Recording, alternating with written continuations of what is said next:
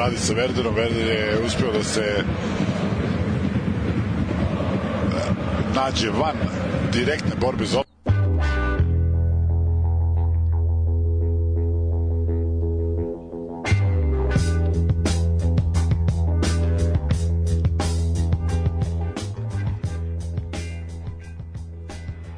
Dobro veče, dobro veče i dobrodošli 131. put u sportski pozdrav. Ovaj jedini podcast koji podržava Gojka Andrijaševića tako što i mi podrigujemo u programu.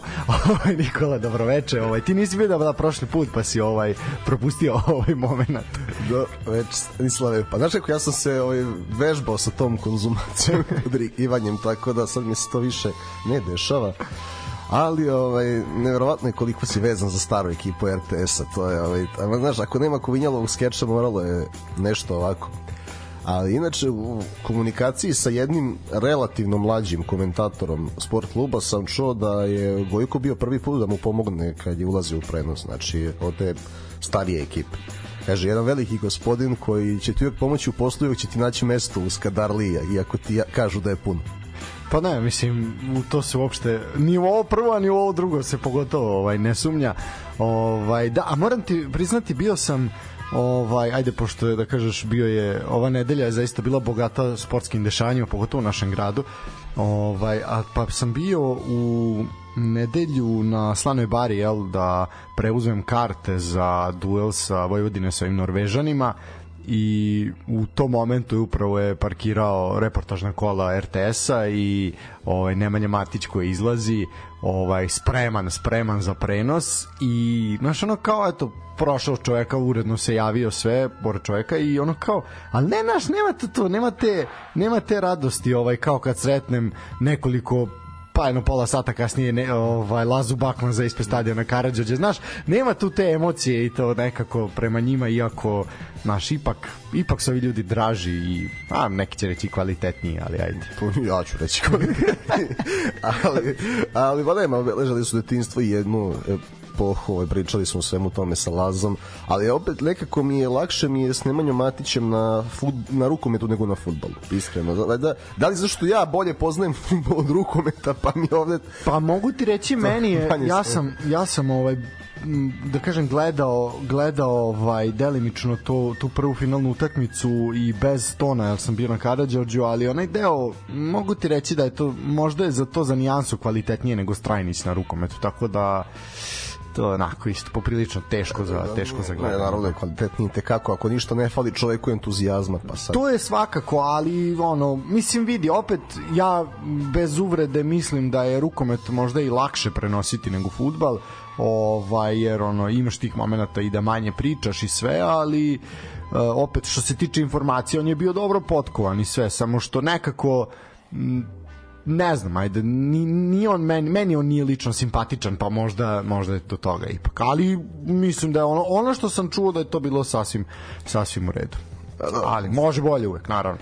E sad, Ali, moram pazi, iskreno sam bio malo razočaran koliko god sam imao sam pohvale Areni Sport za prenose domaćeg sporta i ovaj kanal Arena 10 gde smo mogli da vidimo razni sadržaj zaista da ne prenose da je bilo slabo prenosa i polufinala i da nemaš sad prenos finala, onako to me malo razočaralo posebno što mislim da bi znaš već ko bio fenomenalan u prenosu. Pa da, mislim to je naš krenulo je pompezno sa sa tim finalom, odnosno bože sa Superligom Srbije da će se to prenositi sve da u jednim momentima ono u kolima je to zaista ta, zaista tako i bilo.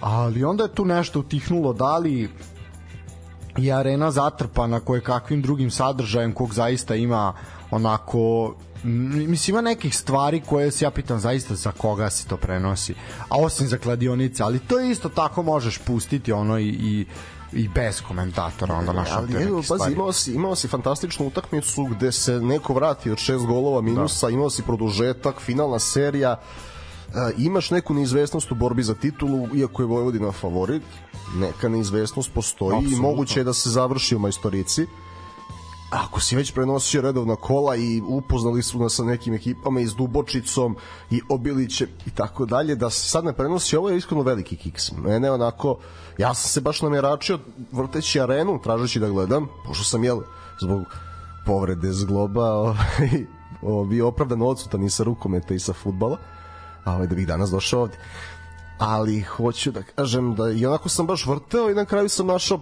nos na, na RTS-u, a ovako i bilo, pazi, bilo je od svih kanala, bilo je da nema prenosa uživo. U tom momentu, ne znam, da. Arena 6 nešto reprizira i slično tako da mi nije bilo jasno ali... Vidi, možda je tu neki dogovor sa RTS-om i nešto mi se mislim ne znamo sad kako kako je to i šta je šta je kakav ugovor je sklopljen ali de, da je bez veze jeste mislim tu tu ne tu nema šta zaista. Ovaj Uš, bilo je sezona kad čak ni RTS nije prenosio pa... istina istina pa je dobro da ovaj, da se neko setio da su iz zemlji igra rukom. Da slažem se apsolutno.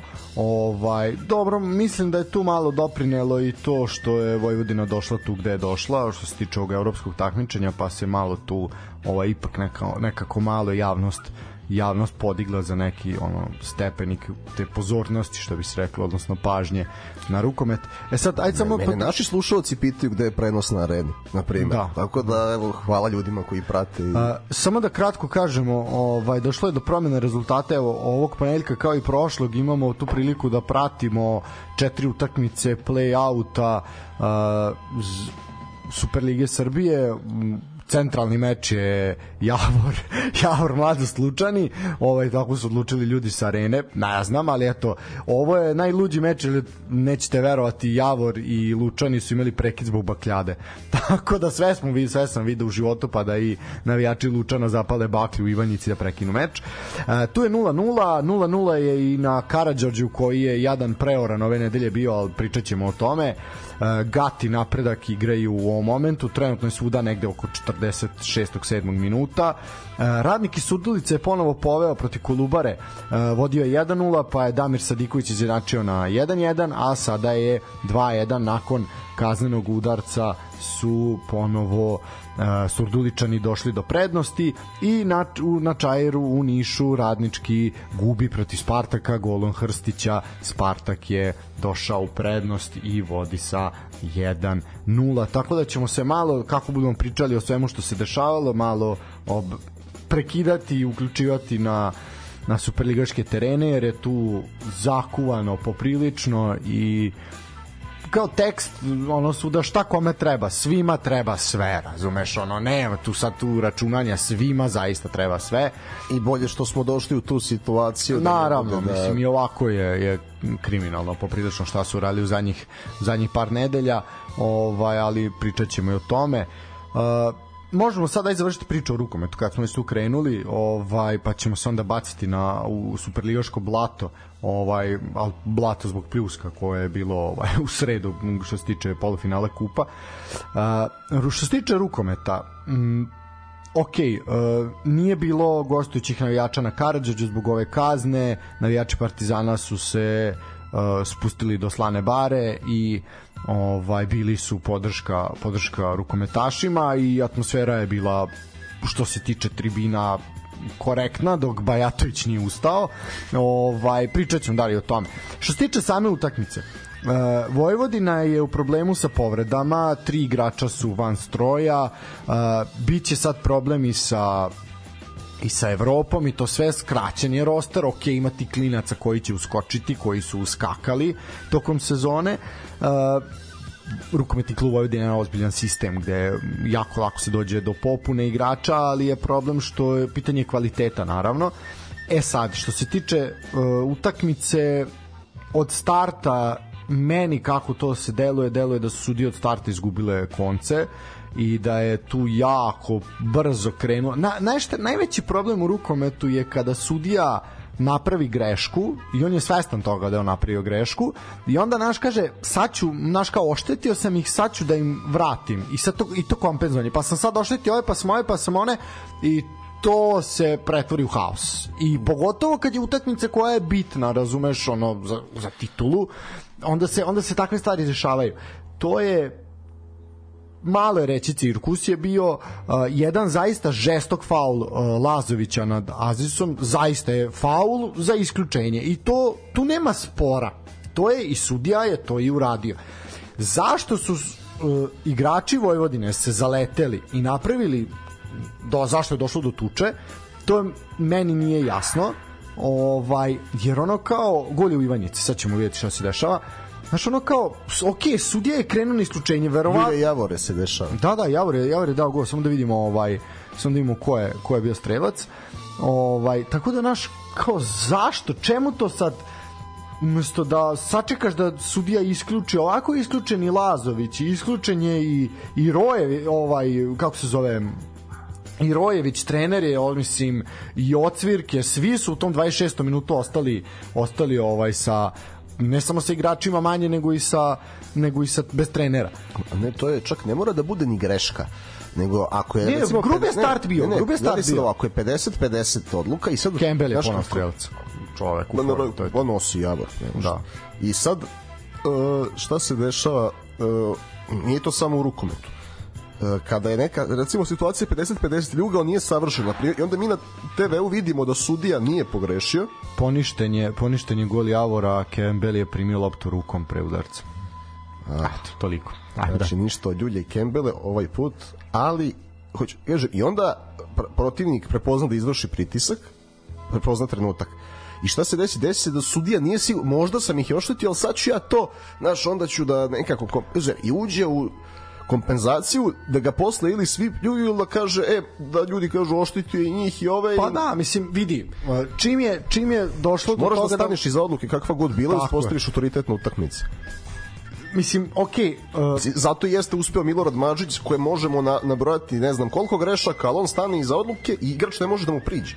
Uh, uglavnom jeste isto tako je, ali mislim da li je sad to greška ili on za ili je pao pod nekim pritiskom, nebitno. Znači na sledeća prva kompenzacija je problem.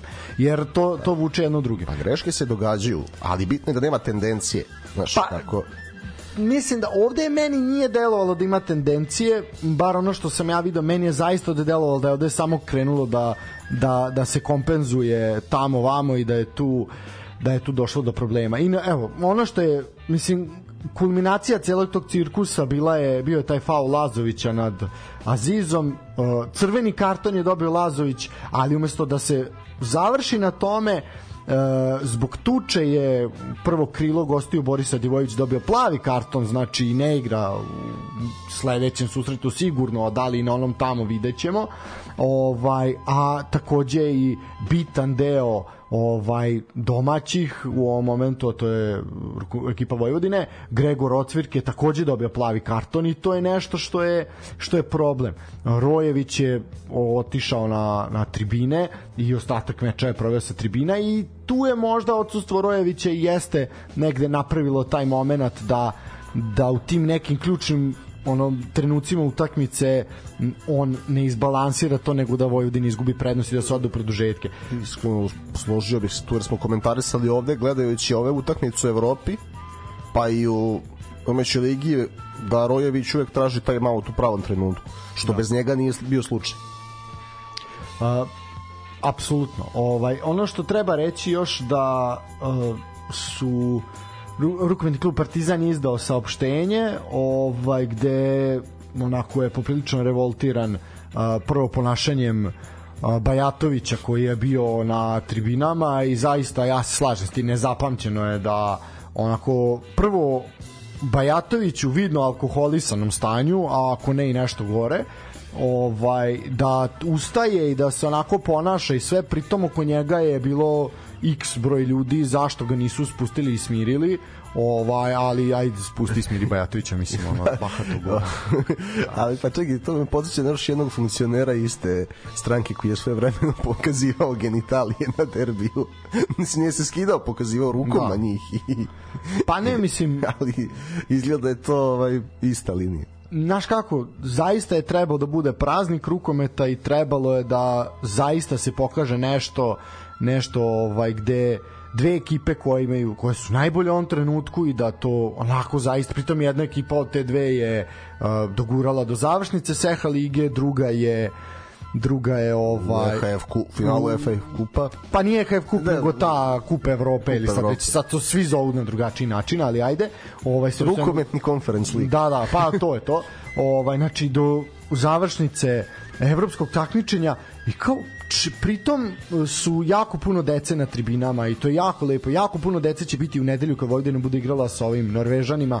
Znači zaista onako negde naš, naš drugar Janko koji je u tom momentu bio sa mnom je rekao znaš kako kulminacija celokupne nervoze i pritiska i svega se ono eksplodiralo je u tom momentu sve u svemu mislim evo predstavnici Partizana se žale da su im isečene gume da je bilo bilo svega i svačeka i onako baš baš ovaj i da su navijači divljali što mislim ok u toj uzavreloj atmosferi ne mogu ja zameriti tom ko je prišao do ograde i ono pljuvao sudiju ili dovikivao nešto klupi to je ajde to to nije toliki problem koliko koliko ponašanje Bajatovića a i uopšte prisustvo Bajatovića u sportu je problem ali dobro. Nema šta, znači, na upravi domaćina je da obezbedi fair uslove i na sudijama da ih održavaju. A Podbacili su i jedni i drugi. To je to. Mislim, oni su napali Rojevića gde su rekli i zapretili da ako Rojević bude selektor ili bilo vršio kakvu dužnost u rukometnom savezu da oni ne, da Partizan neće slati igrače.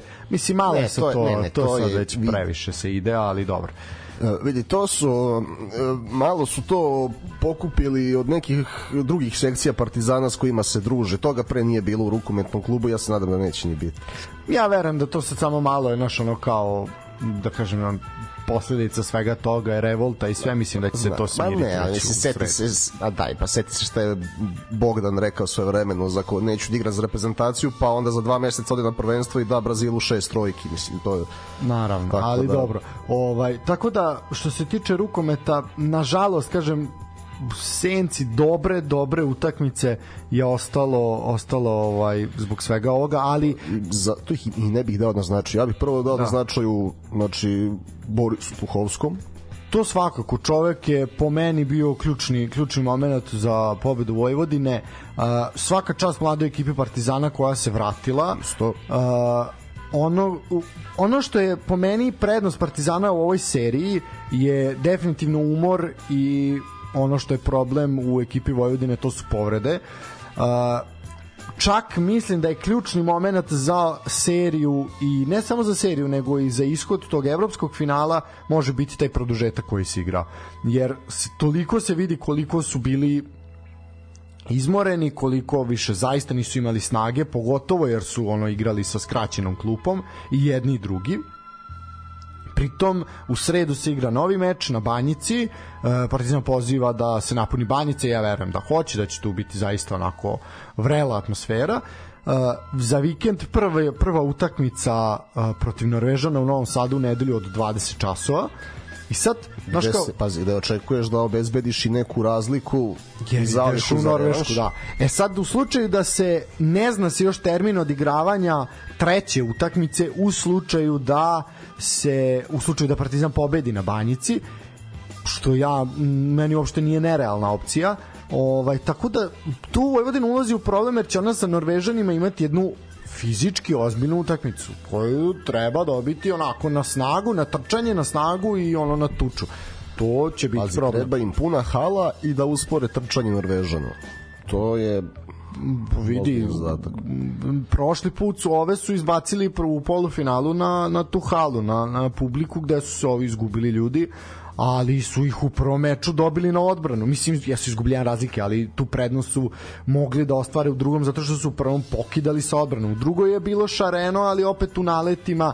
Ti, ti, bojim se da će ovi Norvežani kazniti te momente pada u igri, odnosno neke jako brzo se jako brzo se rešavaju lopte u nekim momentima i, i to sam primetio kod Partizana. Zašto mora imaš igrača više zašto mora šut u petoj sekundi? Ne mora stani majka mu stara. A opet s druge strane imamo se imamo se da ako se nije taj hit znaš ono ako ne pukne u petoj sekundi ako stane i on ako stane on više ne zna šta će s njom. Znači a, kao da kada fale određeni igrači da naprave višak da to ta lopta dobije neku neku brzinu to se stane i to se gleda i naš ono kao ne, ne znaju šta će s njom i malo je tu tu tu može biti problem ovaj ali tu je problem i za jedne i za druge što se tiče serije a što se tiče Norvežana on će to kazniti mislim tu ne Pa priča. sad tu dolazimo malo i do profila igrača što nekako Partizan nema znaš, prvo što je ekipa mlada, drugo što e, ne, ne, fali jedan iskusan bek. Znaš, vidimo šta Puhovski znači. Recimo, Izečević gravitira ka levom beku u reprezentaciji, on je, jer ona ga stavlja levo, a s druge strane ovde imaš Petrića, I sad uh, imaš, imaš taj faktor rukomenta, ali to, to mogu da prepoznaju igrači, ne znam, poput Sagosena i sličnih bekova, gde i se igračem više prepozna prosto za rani šut da iznenadi i pogodi. I sad ja razumem kad ti imaš talenta, kad si dobar šuter, a to i Petrić i Zečević jesu, da ih nekad povuče. A s druge strane, tebi je desni bek neko koji je izvorno počeo kao desno krilo.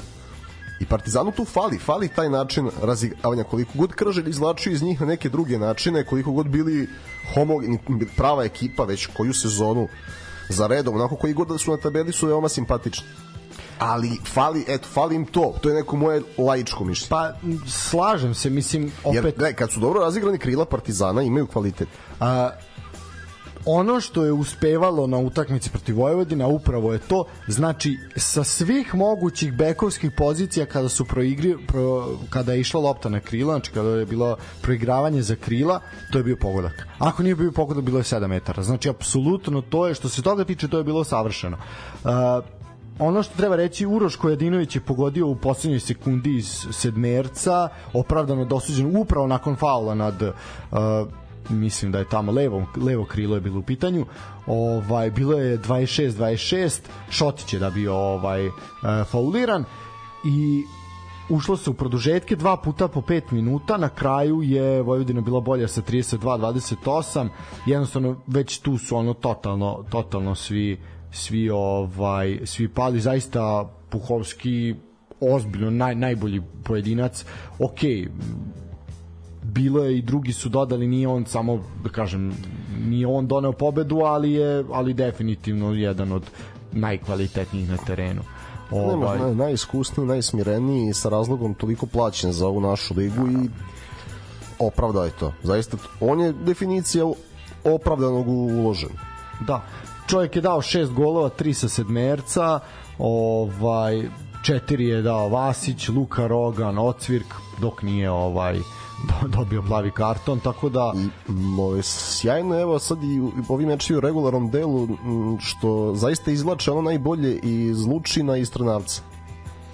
Da, Fran Lučin mislimo negde oko 9 odbrana što je fantastično. Trnavac učno se ono, po, mislim i jedan i drugi su nas navikli na na ovaj na taj moment da zaista briljiraju. E sad, uh, ja bih samo ono gde se negde može i, i pre neki jedan, dan je... Jedan, jedan moj drugar Kaži. se našalio da Trnavac bolje brani sedmerce nego Stojković penales ili Borjan. Pa da, nije ni to ovaj. ne, stvarno, stvarno mu svaka čast. I krajnje vreme za jedan poziv Tonija Đerone, onako čisto kao nagrada neka, ne. Pa jasno biće, je da, mislim da jasno to... je ko je tu neprikosnoven, ali A biće, mislim da ne treba, da... mislim da ne treba, mislim da ne treba ovaj ne treba žuriti. Ovaj biće. Uh, ono što treba i što bih ja svakako ovaj pozvao ljude, a to je prethodnih dana je rukometnu javnost uzburkao ovaj intervju koji je trener metaloplastike Matić dao ovaj nakon nakon ovaj poraza od Vladan Matić nakon poraza od Partizana u polufinalu. Tako da sve to što je čovek rekao ovaj negde zaista stoji negde i dobilo na značaju nakon nakon ove nakon ove utakmice. On je upravo tu kritikovao i sudije i način na koji se radi i sve to jer ok, jeste, jeste tu sad neki bljesak, ali hajde da, hajde da to sve podignemo na neki veći nivo. Sve u svemu, sreda, drugi meč, ja se nadam da ćemo naredni ponedjeljak zajedno sa Vukom malo to, malo to detaljnije prokomentarisati, ta ćemo prokomentarisati i uh, prvu utakmicu tog finala ovaj Kupa Evrope da vidimo šta će Vojvodina Vojvodina raditi. Što se tiče karata, ovako mi je objašnjeno iz rukometnog kluba Vojvodina. Znači, e, karte, naravno nema ih u slobodnoj prodaji, opet je slana bara mesto odigravanja. E, karte možete trebovati ukoliko ste uh, a koliko ste rukometni klub, karte možete trebovati preko gradskog rukometnog saveza. A, ili imate školu rukometa ili sad šta god. A ako ste fizičko lice obično, karte možete trebovati znači jedna osoba, jedna karta preko a, Instagram stranice rukometnog kluba Vojvodina. Danas je negde, koliko sam ja shvatio, oko 300 karata pušteno na tu kažem taj moment rezervacije. Što znači da će kapacitet, kapacitet hale biti podeljen na zvaničnike rukometnog saveza, EHF-a i svih oni koji tu, foteljaša koji tu moraju da budu, prijatelje kluba i gradskog rukometnog saveza, znači svi klubovi koji se takmiče na nivou grada će dobiti, su dobili karte. Organizovano navijanje, znači to je firma, i uh, deca rukometnog kluba Vojvodina i samo 300 ovaj ljudi običnih koji mogu doći do karte. Zašto to tako? Opet zaista ne znam da objasnim, ali eto, oni su tako odlučili da takvu atmosferu naprave i da to opet bude na slanoj bari. Po meni po meni pogrešno inače svi ljudi koji su ovaj bili na utakmici s Partizanom mogli su da preuzmu kartu za za Norvežane. Ne znam mislim ne ne znam šta bih rekao ono čudna čudna odluka ono mislim nadam se neće biti cirkus kao protiv kao u polufinalu kad je zaista ono bilo duplo više ljudi nego što je hala mogla da primi. Pa to je pa, mislim cilj, da pa ovako kutija šibica i to svi znaš, svi prepisuje 40 godina od Mirka Novosela od prilike. Da, ne znam šta bih rekao, mislim čudno, po meni onda je zaista trebalo da se ide na Spence i ali ajde, dobro, okej. Okay. Mislim, ne znam šta. Ja se nadam da će ovaj godine da igraju i jače takmičenje i na Spensu. Pa, nadam da se. Da pokažu adekvatnu ambiciju. Ovo baš nije. To je to, ali ovaj, sve sve mi ćemo biti tamo, pratit ćemo pa kako god spomenuli smo i malo figurativnog blata u rukometu, a sad je red da krenemo o, na sad pravo. idemo na pravo blato. Ovaj pa da, mislim šta bih rekao. Ajde prvo bih kratko, što se tiče polufinala kupa, prvo kratko TSC i Crvena zvezda, jer tu zaista nema šta pametno da kažem. Uh, Lazetić je odmarao igrače za duel u, u kako se zove u Pazaru. Uh, i vidjet ćemo da je ispao pametniji možda od Kerkeza, ko malo i vremeni išlo na ruku. Crvena zvezda je lagano došla do finala kupa, 3-0 je bilo u Topoli, onako. Vidi, rezultatski delo je lakše, ali to opet dolazimo do psihologije. Znaš, prvo Stefan Vukić šutira penal. Da. Uh, drugo, nekoliko šansi TSC koje pogađaju protiv ostalih rivala i to je taj efekat ovaj, Crvene zvezde ili Partizana. Pa jeste u prvih 20 minuta TSC je, TSC je diktirao, diktirao tempo. Ovaj jeste Vukić promašio taj penal, ali meni sve deluje da i da ga je on pogodio da bi ovo se na kraju desilo. Ali dobro. Znaš, kako ne znam, učinio bi meč zanimljivijim sigurno, ovako su po, apsolutno pali. Nekako čim je Kanga pogodio prvi penal, mm. koji je bio, gde, gde su rekli dobro, idemo mi u pazar i malo, malo loše i malo loše s tim odmaranjem igrača, ali očigledno je to drugo mesto prioritet i apsolutno više se dobija iz toga i iako, to... iako sačekaće na prvi trofej u istoriji kluba još malo Pa ono što smo pričali, pričao sam s Jankom prošli put o tome, samo je tu zaista bilo pitanje ko želi više, ko želi više ovaj to drugo mesto i kome je to veći prioritet. Eto Čukarički je hteo da se raširi na obe strane, pa eto to nije uspeo. Ovaj Cvetinović, šta reći? pa pazi, ali meni, ja se sad sećam nekih ovaj, svojih internet dejstovanja i nekih ljudi koji su me ubeđivali da je Ivica Ilijev našao štopera za Partizan u leto 2016. ali eto, nije se dogovorio tuga što nije došao. I eto i onda se ispostavilo da je Bleki Milenković bio startira da se uzme da Dupur Krunu tako da ja sam se naslušao priča od Svetinoviću od tada, bajki. E, iskreno eto to je jedna od pozicija o kojoj TSC mora da razmišlja kad dođe Evropa znači ovo sve domaća liga super iskoristio se Partizanov poklon najbolji si od ostatka kapa dole fantastična sezona ali obje, to, o tome ćemo naravno kad dođe vreme gde i na kojim pozicijama njima treba 4-5 igrača minimum. Apsolutno. A, jedan, znači, ali prvo, prvo jedan centralni bek meni umesto Cvetinovića i po mogućnosti nešto mlađi. Pa i zbog Antonića kojem je vreme za mene, mislim. Pa, ne, pazi, znači, Cvetinović ima 35 godina. Pa Nini Antonić mnogo mlađi. Kažem, i sad, a šta je, ne donosiš ekstra kvalitet, da. kao što ga donosi Dragović, ne znam, ili tako neko, a s druge strane ne, znači ne možeš da se prodaš. Jasno je gde bih ja pravio rokadu da sam da sam na mestu gos, našeg gosta Sabor da. Špaleđi, ali nisam. Uh, sa druge strane, tabor gosta uh, se zvanično zahvalio Milošu Milojeviću, uh, Miloš Milović bez poraza u ligi, bez poraza u derbiju, najverovatnije će osvojiti duplu krunu, uh, poraze doživio, doživio zaista jedinu u Evropi. Uh, mi smo pričali to ovde milion puta o tome da je ne samo zaslužio novi ugovor, nego da je zaista trebalo da se pusti da radi. Uh, sa Baharom je potpisan ugovor i Pazi, da vidimo sa šta će biti. Ne, ne, ali meni je i da nije da neko u klubu smatra da nije zaslužio ugovor. Ružan je način, medijski narativ je ružan. Znači samo što neko dolazi iz inostranstva, znači da kao naslov Bahar insistira da ovih šest igrača mora da ostane. Znači, i onda ti suptilno ukazuješ na to da je da su domaći treneri, ne znam, mekani, da, da oni ne traže ništa, ne insistiraju ništa su srećni da budu sam tu zato što su u klubu koji vole od malena. Tako da taj narativ je bez veze. Čak i da da li je Milojević služi ugovor ili nije, moje mišljenje je da jeste. Apsolutno, to smo Jer je o, i da dobije šansu da on napravi rekonstrukciju ekipe. Pa da vidimo. Ali jer ja vidjet ćemo šta, šta će Barak Bahar da dovede. On je nesporno pokazao igru sa Makabijem, ali sad kažem ti da ti dovodiš igrače iz Kine od 35 godina, ako će tako da radi u moje zemlji u srpskom futbolu nije mi uopšte potrebno. Apsolutno. Mislim i ja ja Milošu Milojeviću iz ponašanja i svega želim sve najbolje u daljoj karijeri kao navijač rivalskog kluba. Znači da napravi uspehe koje pravi u Hamarbiju i u Mjalbiju pa još više. Vidi, može se reći ja ne bih rekao da on nije napravio uspeh i u Crvenoj zvezdi, samo za opseg vremena koji je imao. Pa kažem ti, nije, da. nije da. se, znaš kako, nije se moglo, s druge strane, nije dobio šansu i na zimu. Oni su na zimu već trebali da urade evo, rekonstrukcija, ali ne, čekamo leto, čekamo ovo.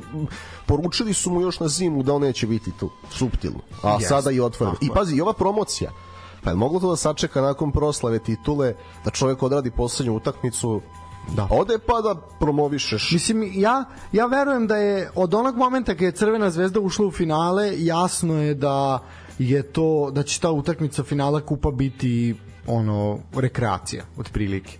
Znači to je Čukarički bez koliko četiri igrača koje ne mogu da igraju protiv Crvene zvezde, znači vidno osakaćeni će biti, oni su osakaćeni ovako zbog ovo što se dešava u Novom Sadu, ali mislim da tu zaista zaista ono da će to biti rekreacija. Pritom je kup preseljen od uh, naj, najviše volim te priče u našem sportu. da. Aj oj, Loznica, e, evo. Sve, E, treba da finale kupa, slušaj. finale kupa hoću greb mapu države Srbije gde je sve trebalo da se odigra finale Eto, kupa. Ne, pa specijal emisija letnja imaginarna finala Lav kupa Srbije. Pa ne mislim ono od vra, od ono Đevđelije do Triglava jebote je trebalo da se odigra ali, pa mislim on... se mi one godine kad su ispali od mača pa nas poslali u Surdulicu i... pa ne pa, pa mislim zaista ono naš kao A ne mogu, to su takve budalaštine. Ovaj, znaš kao, Loznica, Loznica nema upotrebnu dozvolu, Leskovac, Kragujevac koji još nije ni počeo da se gradi, pa onda kao ajde Topola će biti. I jedno sedam finala na Karadžođu od kojih nijedno nije odigrano. Kojih je odloženo ono nedelju dana pred finale, ja ne znam koliko. Ovaj, i, ne, ja sam pričam samo za ovo sad što je bilo, a sad u prethodnih tri nedelje. Ali mi je... Simo, I na kraju nekako finale uvek bude u Beogradu. I, i nekako baš uvek bude na Rajku Mitiću, pritom je... Žrebom.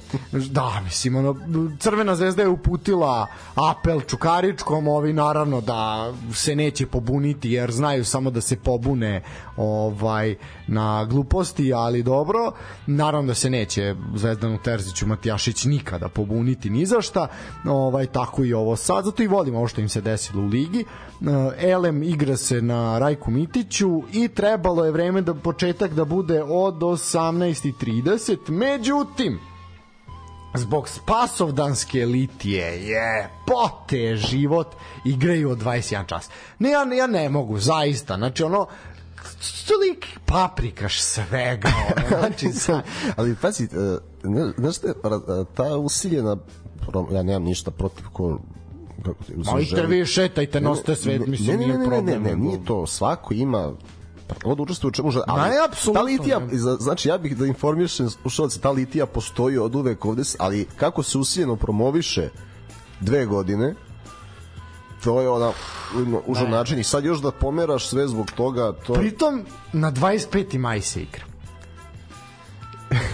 Pa ne, pa, ali to, to, to a trebalo je, prvo je trebalo To se je, igra, pa to ti je kao spomenik kralju na trgu Republike. Pa da. Pa, pa da. Pa znaš ono kao, prvo je trebalo bude 26. Pa su rekli 3. juna. Pa onda ne može 3. juna pa su vratili na, na onda je trebalo da bude 28. Pa je onda 26. Pa ne može sad 26 iz objektivnih razloga jer ovaj su dobili radni nalog gde da budu i onda je ipak 25. maja. E, dobio sam ja ovaj, privatno pitanja ovaj, uh Mhm. -huh. od ovih slušalaca pitaju, pitali su šta mislimo ako je tačna informacija da su u Zvezdi dobili nalog da idu na miting šta mislimo koji igrač je odbio Da, pošto se pojavila informacija sam- da je jedan čovjek odbio, da je dobio, neko odbio. dobili smo to pitanje Da, pa ja ne znam ko, ko bi mogao da A, odbije. Aleksandar Dragović čovjek je igrao s polja ima novca ne možeš baš tako lako da ga uceniš malo malo mnogo plaća taj Leverkusen i ovi prethodni i Dinamo Kijev i Pa ajde, dobro. Mislim, ali nije, ne, znaš znaš, kako, pa, ako- znaš kako, palo mi je na pamet zato što je čudan moment odlaska u kom imaš garantovanu ligu šampiona da on javno traži da ide. pritom popri, to, to, to nisu ono traženje, to su vapa i ono I, da... iz, izuzetno, pa mislim da je izuzetno razočaran Znaš, sad kad vidimo, a pazi, videli smo finansijski izveštaj, Da. Znaš, pitanje koliko su plate redovne, šta je njemu obećano da bi uopšte došao u Srbiju, a šta je ispunjen. Istina, to Čovek, je... pazi, uh, odličan igrač kad deluje tako razočarano, to je, to je meni signal.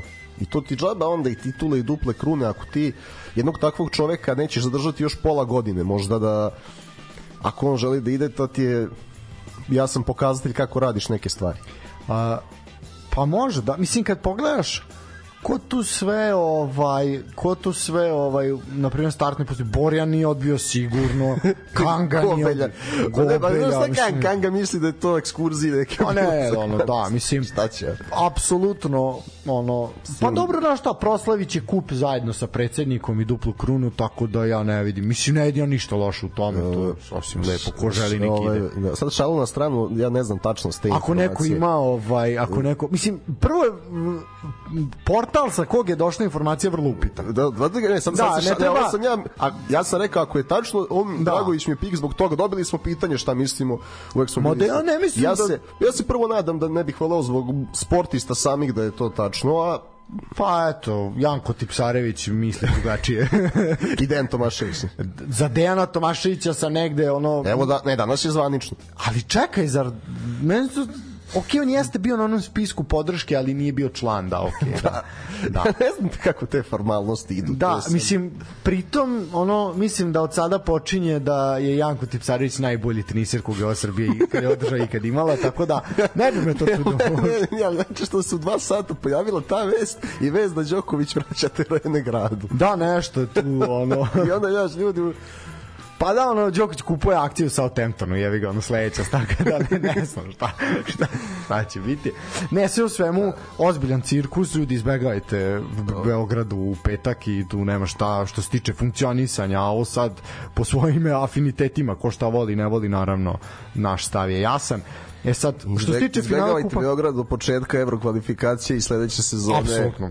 može da je Super Lige Srbije. E, 21 čas, znači će biti 25. maja u 21 čas će uh, snage odmeriti uh, Crvena zvezda koji smo rekli na koji način je došla ovaj do finala. I druga utakmica u kojoj ja bih baš volao da ovako mi malo porazgovaramo a to je ono onaj waterpolo meč koji se desio u Novom Sadu gde smo moj drug Janko i ja bili prisutni i kreće kiša. Tačno prvo ovako nešto da vam kažem. Meč je trebao se igra u 16 časova Da se igralo u 16 časova, ne bi došlo do toga. Ovaj nego su oni gospoda hteli da imaju publiku, da ovo da ono što je opet sasvim u redu. Igralo se ono u isto vreme od 18:30 i ja smo se pitali pobogu ljudi zašto u isto vreme. Nije trebalo, ali su ovi iz Vojvodine zahtevali. Ok, igrao se u isto vreme, dobro.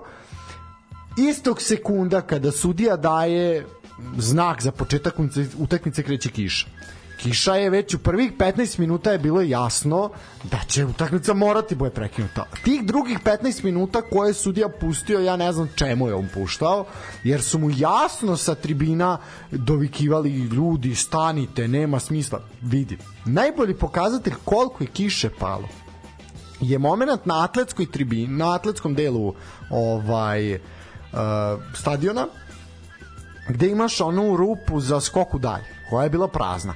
Ta, a pritom je to rupa iz duboka, ona je bila puna vode i ne puna, nego je prelivalo.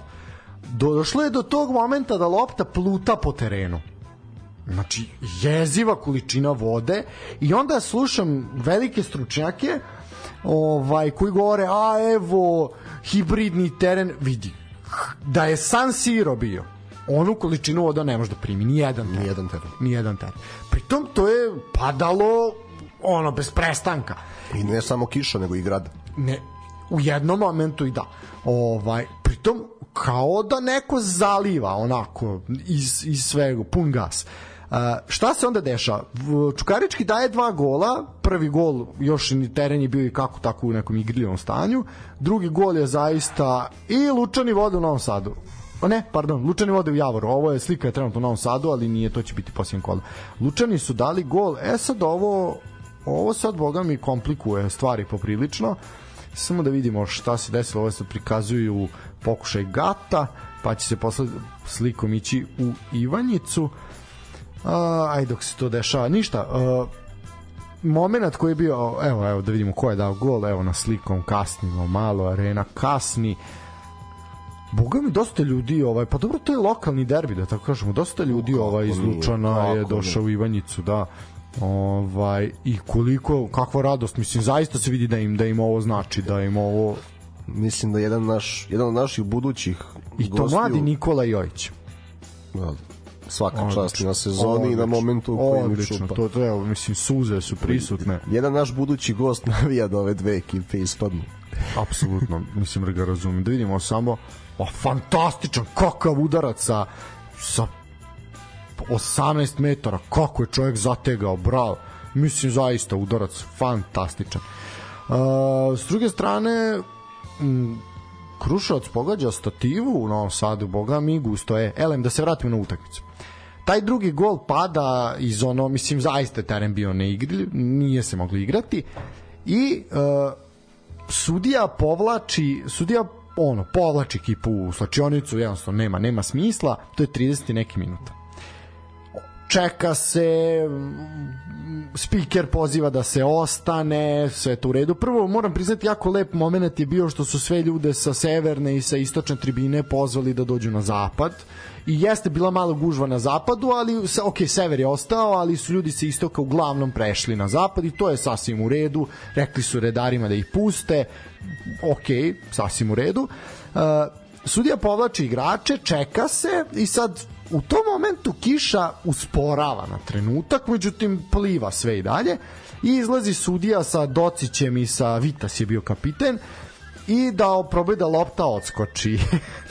Mislim, optimizam je velik u ovom narodu. Ovaj, I on ne da lopta nije odskočila, nego je ona na tri mesta tako fljusnula u onu baru i krenula da pluta po terenu u jednom momentu, da je ono samo i u tom momentu posle trećeg bacanja pljusak ne da pojačava nego katastrofa nastaje i jednostavno i oni beže jasno je da se nema da se neće igrati i pojavljuje se informacija igra se sutra pa da li ste vi normalni Igra se od 0-0. E, igra se od 0-0.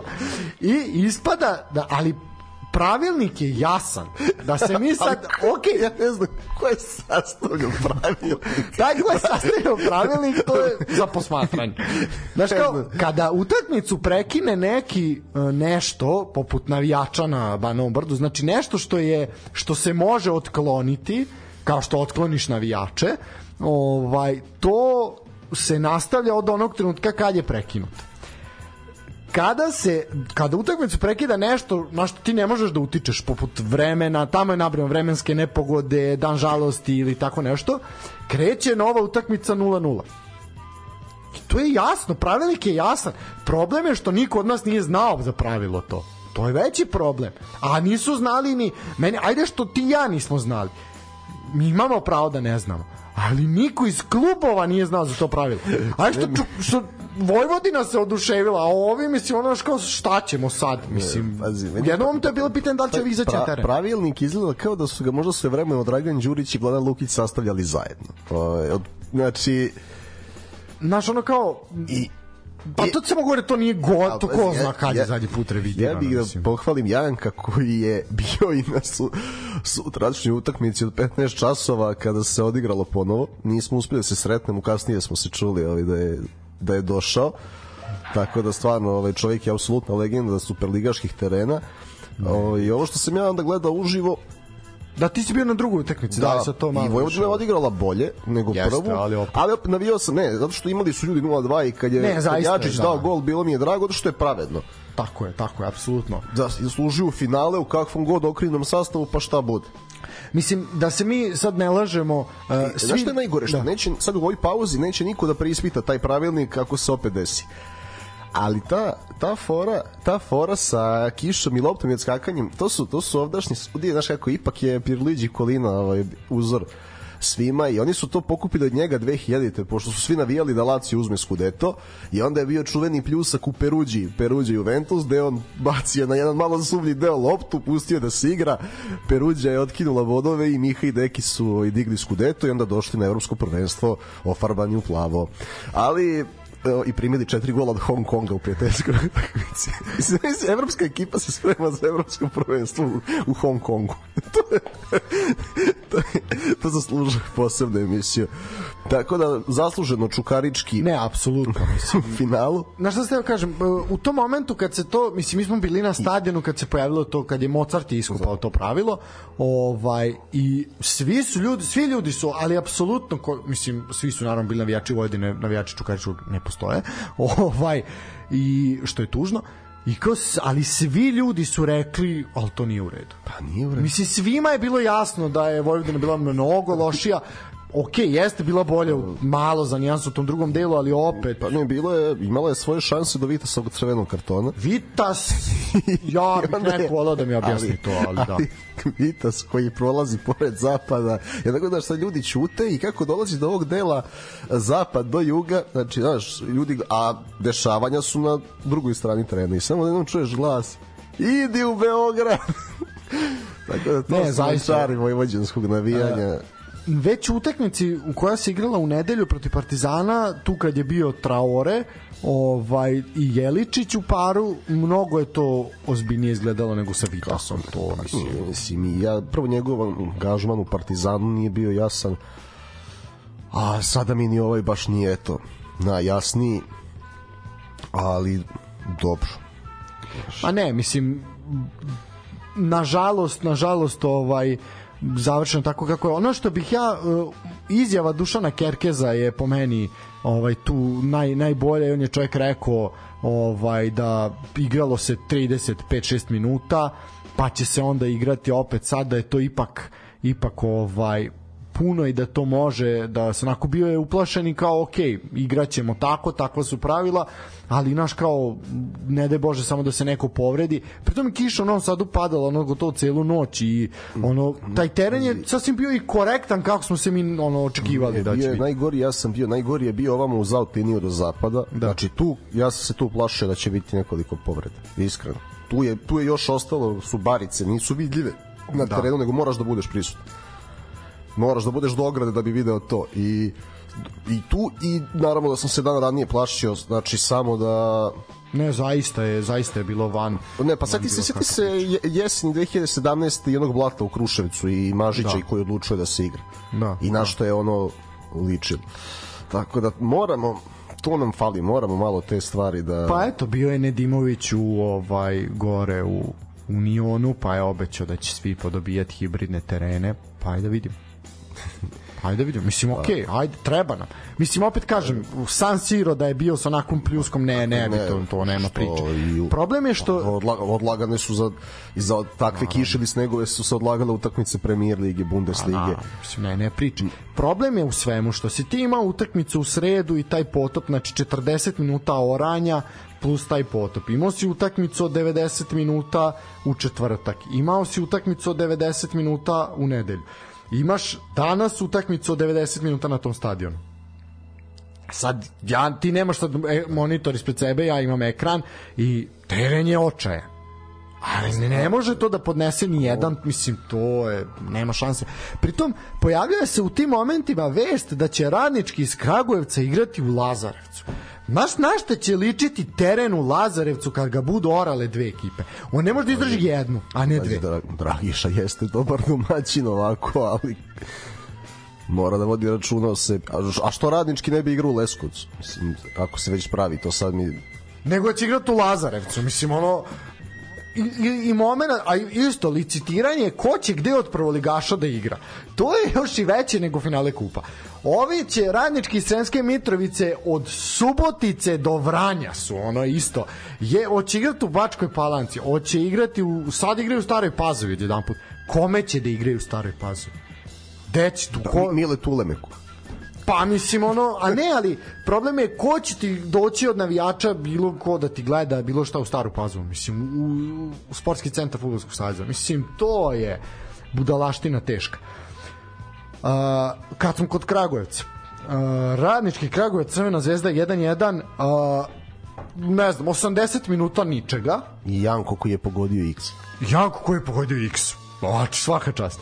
80 minuta ničega, Uh, I onda zadnjih 10 minuta nekog futbala, prvo lep, lep pogodak Ivanića i onako zaista jedna lepa lepa akcija radničkog koji je dosta su se do duše tu ispetljali ovaj u zadnjoj liniji Zvezdinoj ali Zorić je bio onako skoncentrisan i pogodio. Zorić je vas sjajna golgetarska sezona da. s obzirom na minutažu i poziciju. Tako I je sjajno, sjajno ga koristi Dejan Joksimović, bolje nego što je korišćen u Čukaričku. A sa druge strane, pa ne, ali to se vidi, evo, vi kad pravite treneru to što mu pravite celo proleće, i onda kad vidiš onu nonšalanciju koliko je na stranu Zorićeva snalažljivost prisutna cele sezone, dakle, nevazbiljno to deluje. Znaš, kad, znaš kako su ti igrači umeli da se brane i protiv, ne znam, Milana da. i da imamo te ekipe, I onda vidiš ovo onako ovo je gol sa termina, ono sa rekreacije primjen, otprilike to tako. A to je posledica toga. Pa da. Jer da je trener stabilan, to se ne dešava. Uz dužno poštovanje radničko. Naravno. Uh, koji je opet odigrao još jednu legitimnu utakmicu i pokazao da je play-off ekipa. Apsolutno. I da, sa tendencijom da tu ostane do godine. Ja da, e sad, to igranje, to je pisanje sport kluba, sport klub je prvi to izbacio, tu vest, e sad koliko je to istina ili ne, to ćemo videti. Po meni je to suludo da igraju dve ekipe u Lazarevcu. Po meni, ako već dobijamo nove stadione, Leskovac, Loznica i tamo dalje, s obzirom da su ovi svi poispadali u, u treći rang takmičenja, ovaj, ajde onda da Kragujevac igra na nekom od tih stadiona, ako će već Čukarički igrati u Loznici, Poče, zašto onda da, da dve ili tri ekipe oru, oru jedan stadion? Pogotovo ovi koji su ruinirani. Ajde, taj novi će možda moći to bolje da podnese. Pa, eto, Leskovac im je onda idealno rešenje.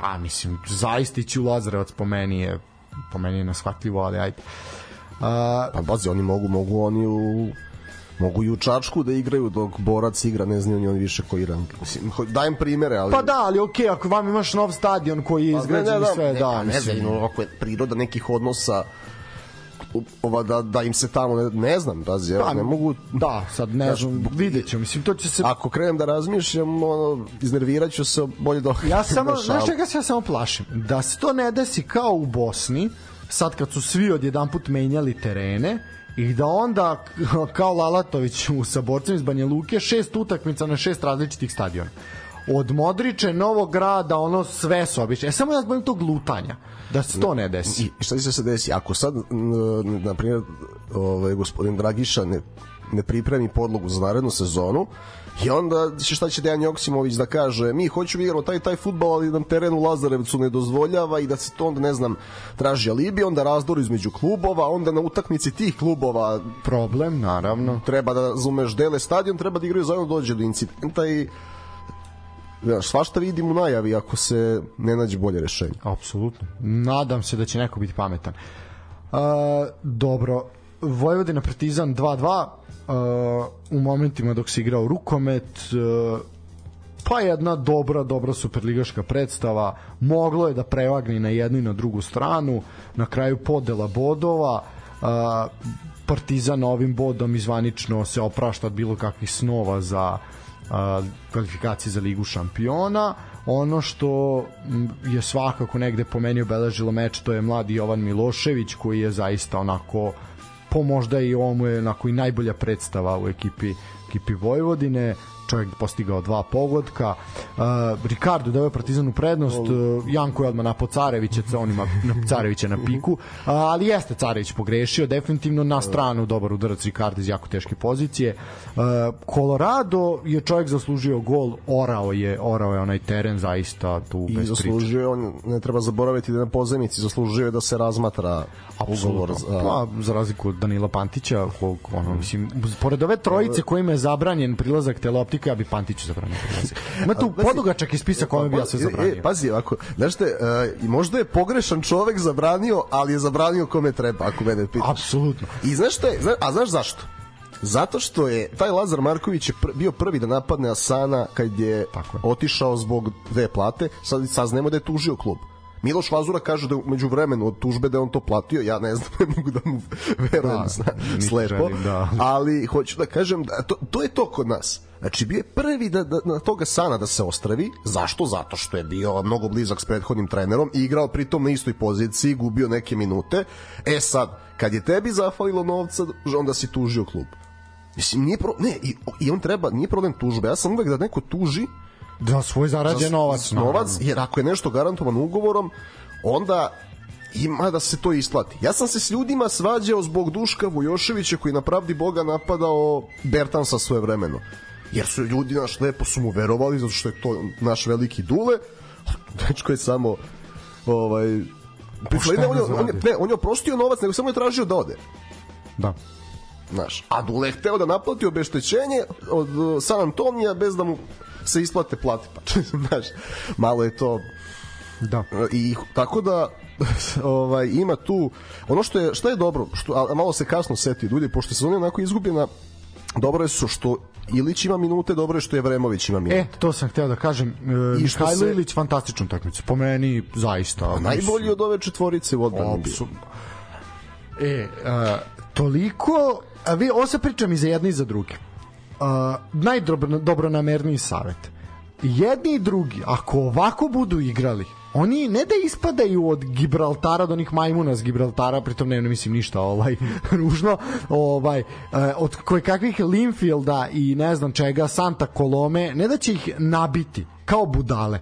Jer ovo na pamet, ovaj futbal, is, ja ne mogu, ja, ja imam jedno pitanje, evo jedna zaista legenda grada, Igor Todorović Gro je bio pored mene i pitao me, a šta vi ljudi treniraju? E, ja imam to isto pitanje. Ako neko ima dva treninga dnevno, kako je moguće da nema snage za 90 minuta? Da ima snage za 60? Kako je to? Da se od 60 pritom nije to ni do 60. Imali su snage do 30. minuta, od 30. do 45. nula i onda od 45. do 60. i onda su opet stali.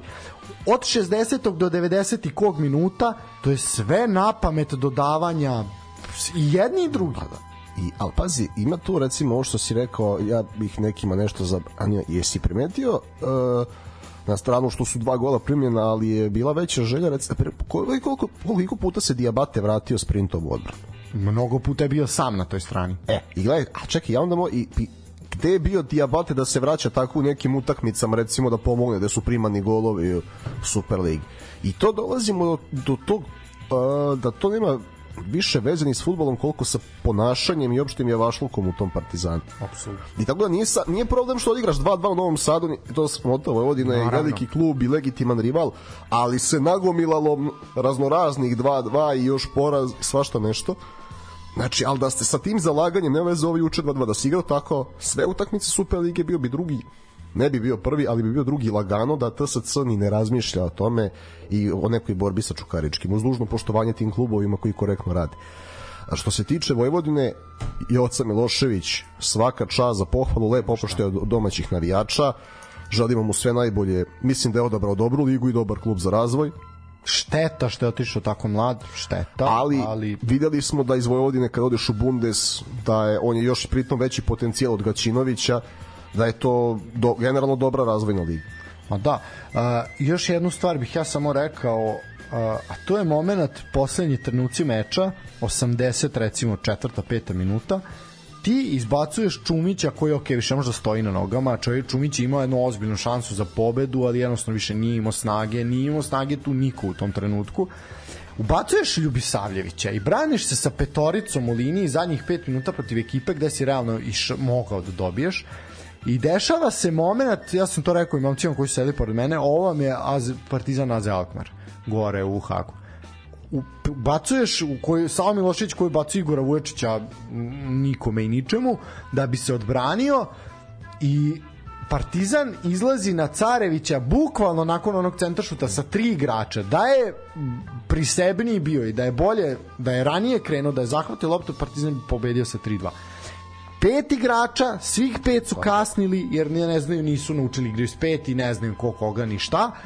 I tu je nastao problem. Radoslav Batek da je primio taj gol, na njegov, što kaže Lalat, druže, daj otkaz. E, ovo zaista nije. to je pa, znaš, čemu, čemu taj alibi? Ali, čemu taj alibi? ne, ali ne ideš ni gore ni dole, ni ti ni Partizan. Pa zašto? Čemu taj kukavičluk onda? Pa pokazuješ ekipi da si se uplašio. Znaš, jer pazi, ti, to jest, jeste ovaj Alkmaar, ali ti si tamo imao šta da braniš. Ti si branio proleće u Evropi, si pa si pogrešio. A šta ovde braniš? Ne znam 2:2. šta. Ali to je, znaš, cijela sezona i te, uh, tih 2-2, te reakcije u odbrane jednih i drugih pokazuju labilnost i pokazuju znaš, da su to ipak veliki klubovi čiji dres nosi određenu težinu, da mentalno nije lako, ni malo lako, ali opet moraš da nađeš način sa tim da se boriš. Mislim, to su klubovi koji su trebali po uloženom da budu 2 i 3, završili su 4 i 5. Da. A pazi, da nose, da nose dresove TSC-a i Čokariču da nema pritiska navijača, takvih uprava, kakve su saopštenja i ostalo, bili bi dva i tri lagano u istim tim dresovima sa ovim igračkim kadrovima. Ali, ovaj, psiha je čudo. Da. Tako da moraju da se izbore s tim, jer ovako što kažeš i sam neće nas dobro reprezentovati u Evropi. Ne, ne, ovo neće, ovo neće biti dobro. Iako mene, mene raduje, znaš kako, Karadžorđ ima dobar ambijent u Evropi, Partizan znamo kad je ole poslužen dokle može da ide, pa ja, i ove samo, sezone. samo molba ako bude uprava ista, a biće, molim samo vatromet. Na svakoj utakmici koja predstavlja bude u Evropi, samo Pa- vatrometo, dajte. Nek Mirnovec zaradi nešto ako iko. Ali jesi Ima ja- dosta je sa stiglo s Bahmuta i sad tu može da, da se potroši. Tako da. ali ova isto sad evo biće, kažeš biće uprava ista. Ja sad više ne znam ko je tu šta uradio u tom APR-u. Ja mislim, ja nisam mislim da ni ljudi u APR-u ne znaju ko je šta uradio. Ja mislim da to ti ljudi gledaju te papire da nikom nije jasno šta žele jedni. Kako zamišljaš APR? Aj prvo to. Zamisli tu ženu koja prima stranke, to drža prvo APR je državni posao. Pa znači, znači, je najgore, ja mogu da saznam to, to je majka od jednog navijača Partizana, ovaj, Znači- koja se, od jednog od onih saopštenja izdala majka jednog navijača, mogu da ga pitam. ti, to je, to je državna firma koja prima klijente svakog četvrtog četvrtka u mesecu ili petog četvrtka u mesecu od ono 10.30 do 10.35 ovaj, pa ne pa mislim i to sad dolazi Ostoja Milović zajedno sa Vazurom sa ovako pečatiranim papirima na šalter i predaje onoj ženi i ona gleda da li ste vi retardirani o, to ti je kao kad sam ja kad sam ja predavao za prijemni za fakultet i mene žena pita država rođenja. Ja kažem po ono rekao ja sam bila je Savezna Republika Jugoslavije. Pa kaže pa ne možete to navesti. Po rekao pa jebi ga onda ostavite Srbije To je domovina koju su mi domovina, to oteli. piše Pa kao zašto vama na, na ovom piše a stvarno je ono izvod iz matične knjige rođenih jebi ga piše Savezna Republika Jugoslavije. Ovo je pa što se šta da napiše? Mislim kad nije ovo jebi ga Tu sam se sam se rodio. tu sam se rodio. Pa pa ne može. Pa što kako ne može? Šta da stavim pa, pa, pa stavite Srbija pa rekao ja nisam mislim piše da nije jebi ga kako to sad pa jeste pa nije pa nek onda piše Vojvodina biće jebi ga lovi najavljuju da će biti pa onda mislim zaista Stvarno, tako da stvarno mislim da mi rođeni između Oluje i Daytona zaslužujemo beneficirani staž po defaultu. To je... Ne, hoće da se vrati samo se. Zamisli Ostoju Milića i Vazuru koji donose da predaju papire i koji ovi kažu nemo može grb, ne može grb, može ovako, ne može onako. Na kraju ja ne znam, APR se oglašao tri puta, ja više ne znam šta je zvanično. Valjda je jednim i drugima je poništeno na kraju. Fa- fal, falila im neka dokumentacija i onda je Ostoja Katastar, Milović, ne, od, Ostoja Milović je odustao pa će da, da tuži Vazuri Vučelića sudu. Znači, Kom su juče? ne znam, znam samo da ispošta partizan kao institucija. ovaj, Da, ne, ali- mislim, ovo cirkus, šta rade ovi ljudi. A, što se tiče... Ali, da, da, imam pitanje za tebe sad kad smo pomenuli Ostiju Milović. Iako ovo nije košarkaška emisija. Ajde.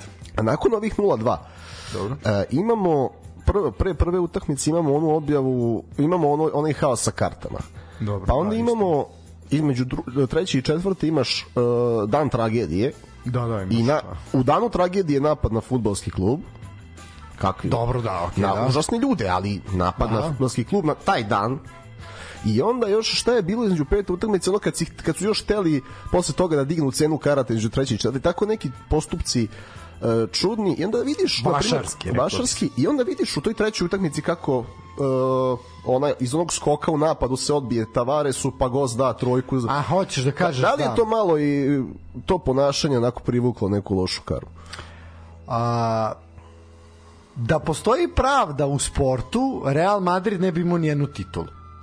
Ako ćemo realno. Ne baš ni jednu, ali pa evo, pa ne bi, da postoji pravda u sportu ne bi uzeli Euroligu sad, recimo. Pa ne, pazi, na kraju, pazi, Ljulj ti je rešio Evroligu provokacijom Pantera i ovim šutom. Da. Znači, filmski scenario, filmski. Duško Vujošević tvrdi da pravda, pravda pobeđuje u sportu. Ja bih voleo kakva je to pravda dovela Miloša Vazuru u srpski futbal, ne znam.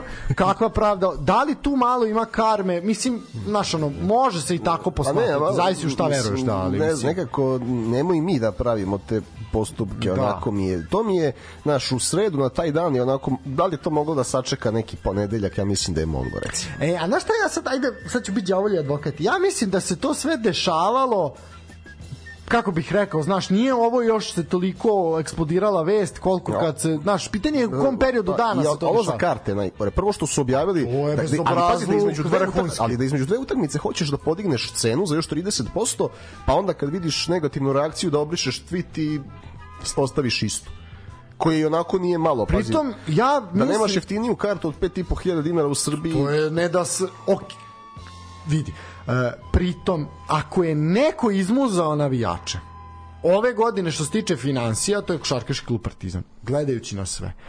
Ubedljivo najskuplje sezonske, ubedljivo najskuplje pojedinačne karte, u sve članske karte, pa posle prikupljanje poreza. Znaš kao, ajde negde podvucite crtu, nego ide se na toliku bahatost i na toliki bezobrazluk, daj da uzmemo još, daj da klepamo. Kaže, karta koliko 8000 trebala da bude najjeftinija, pa, Pa, su ostavili na 5,5. zaista. I to pet i po je kriminalno skupo, ali u, mislim naš kao, ok, neko će reći pa u Evropi, pa ovo, pa, pa jebi ga druže, mi nismo u Evropi. Mislim, jesmo, Pa ali ne, nismo. pa ne, ne, ali hoću ti kažem, mene ni pojedinačna za ligu šampiona kod Zvezdana Terzića ne znam toliko koštala. Pa nije bilo toliko. Mislim, bilo ih je, ali nije bila najjeftinija toliko. Mislim. Znaš. Ne, Mislim, definitivno. vi, više ti vredi kad ti ovaj, uz dužno poštovanje i ljulju svima kad dođe Mbappe ili Mo Salah, pa opet ne košta toliko. Ne, mi ovo ne zaista kažem ono od toliko neke da kažeš atmosfere ovaj pet od te super lige koje smo znaš toliko smo bili ponosni obojica što je sve tako čisto i sve u mesec dana su se posrali u sve. Znači Jesu. u mesec dana. Jesu. A ne, ne čak ni toliko, nego to je taj mentalitet. I mali mentalitetski, znaš, sigurni smo i nemamo zašto da igramo. I onda ispostaviš se da nisi ni siguran. Neki Sad ćemo, završili su se mečevi, sad ćemo doći do toga. Pre nego što spomenemo to, ajde samo da kažemo ovako, uh, Ricardo je, ovako kaže, Partizan je u svojoj istoriji imao 14 igrača koji su bili najbolji strelci šampiona države, šampionata države. Uh, od svih njih samo je Savo Miloševiću to pošlo za rukom u dva navrata. Ricardo Gomes je već jednom bio najbolji strelac, a na dobrom putu je da to ovaj ponovo uradi. Evo još i ovim jednim golom se u nedelju približio, približio tome. Prvi pratilac mu je Aleksandar Kataji.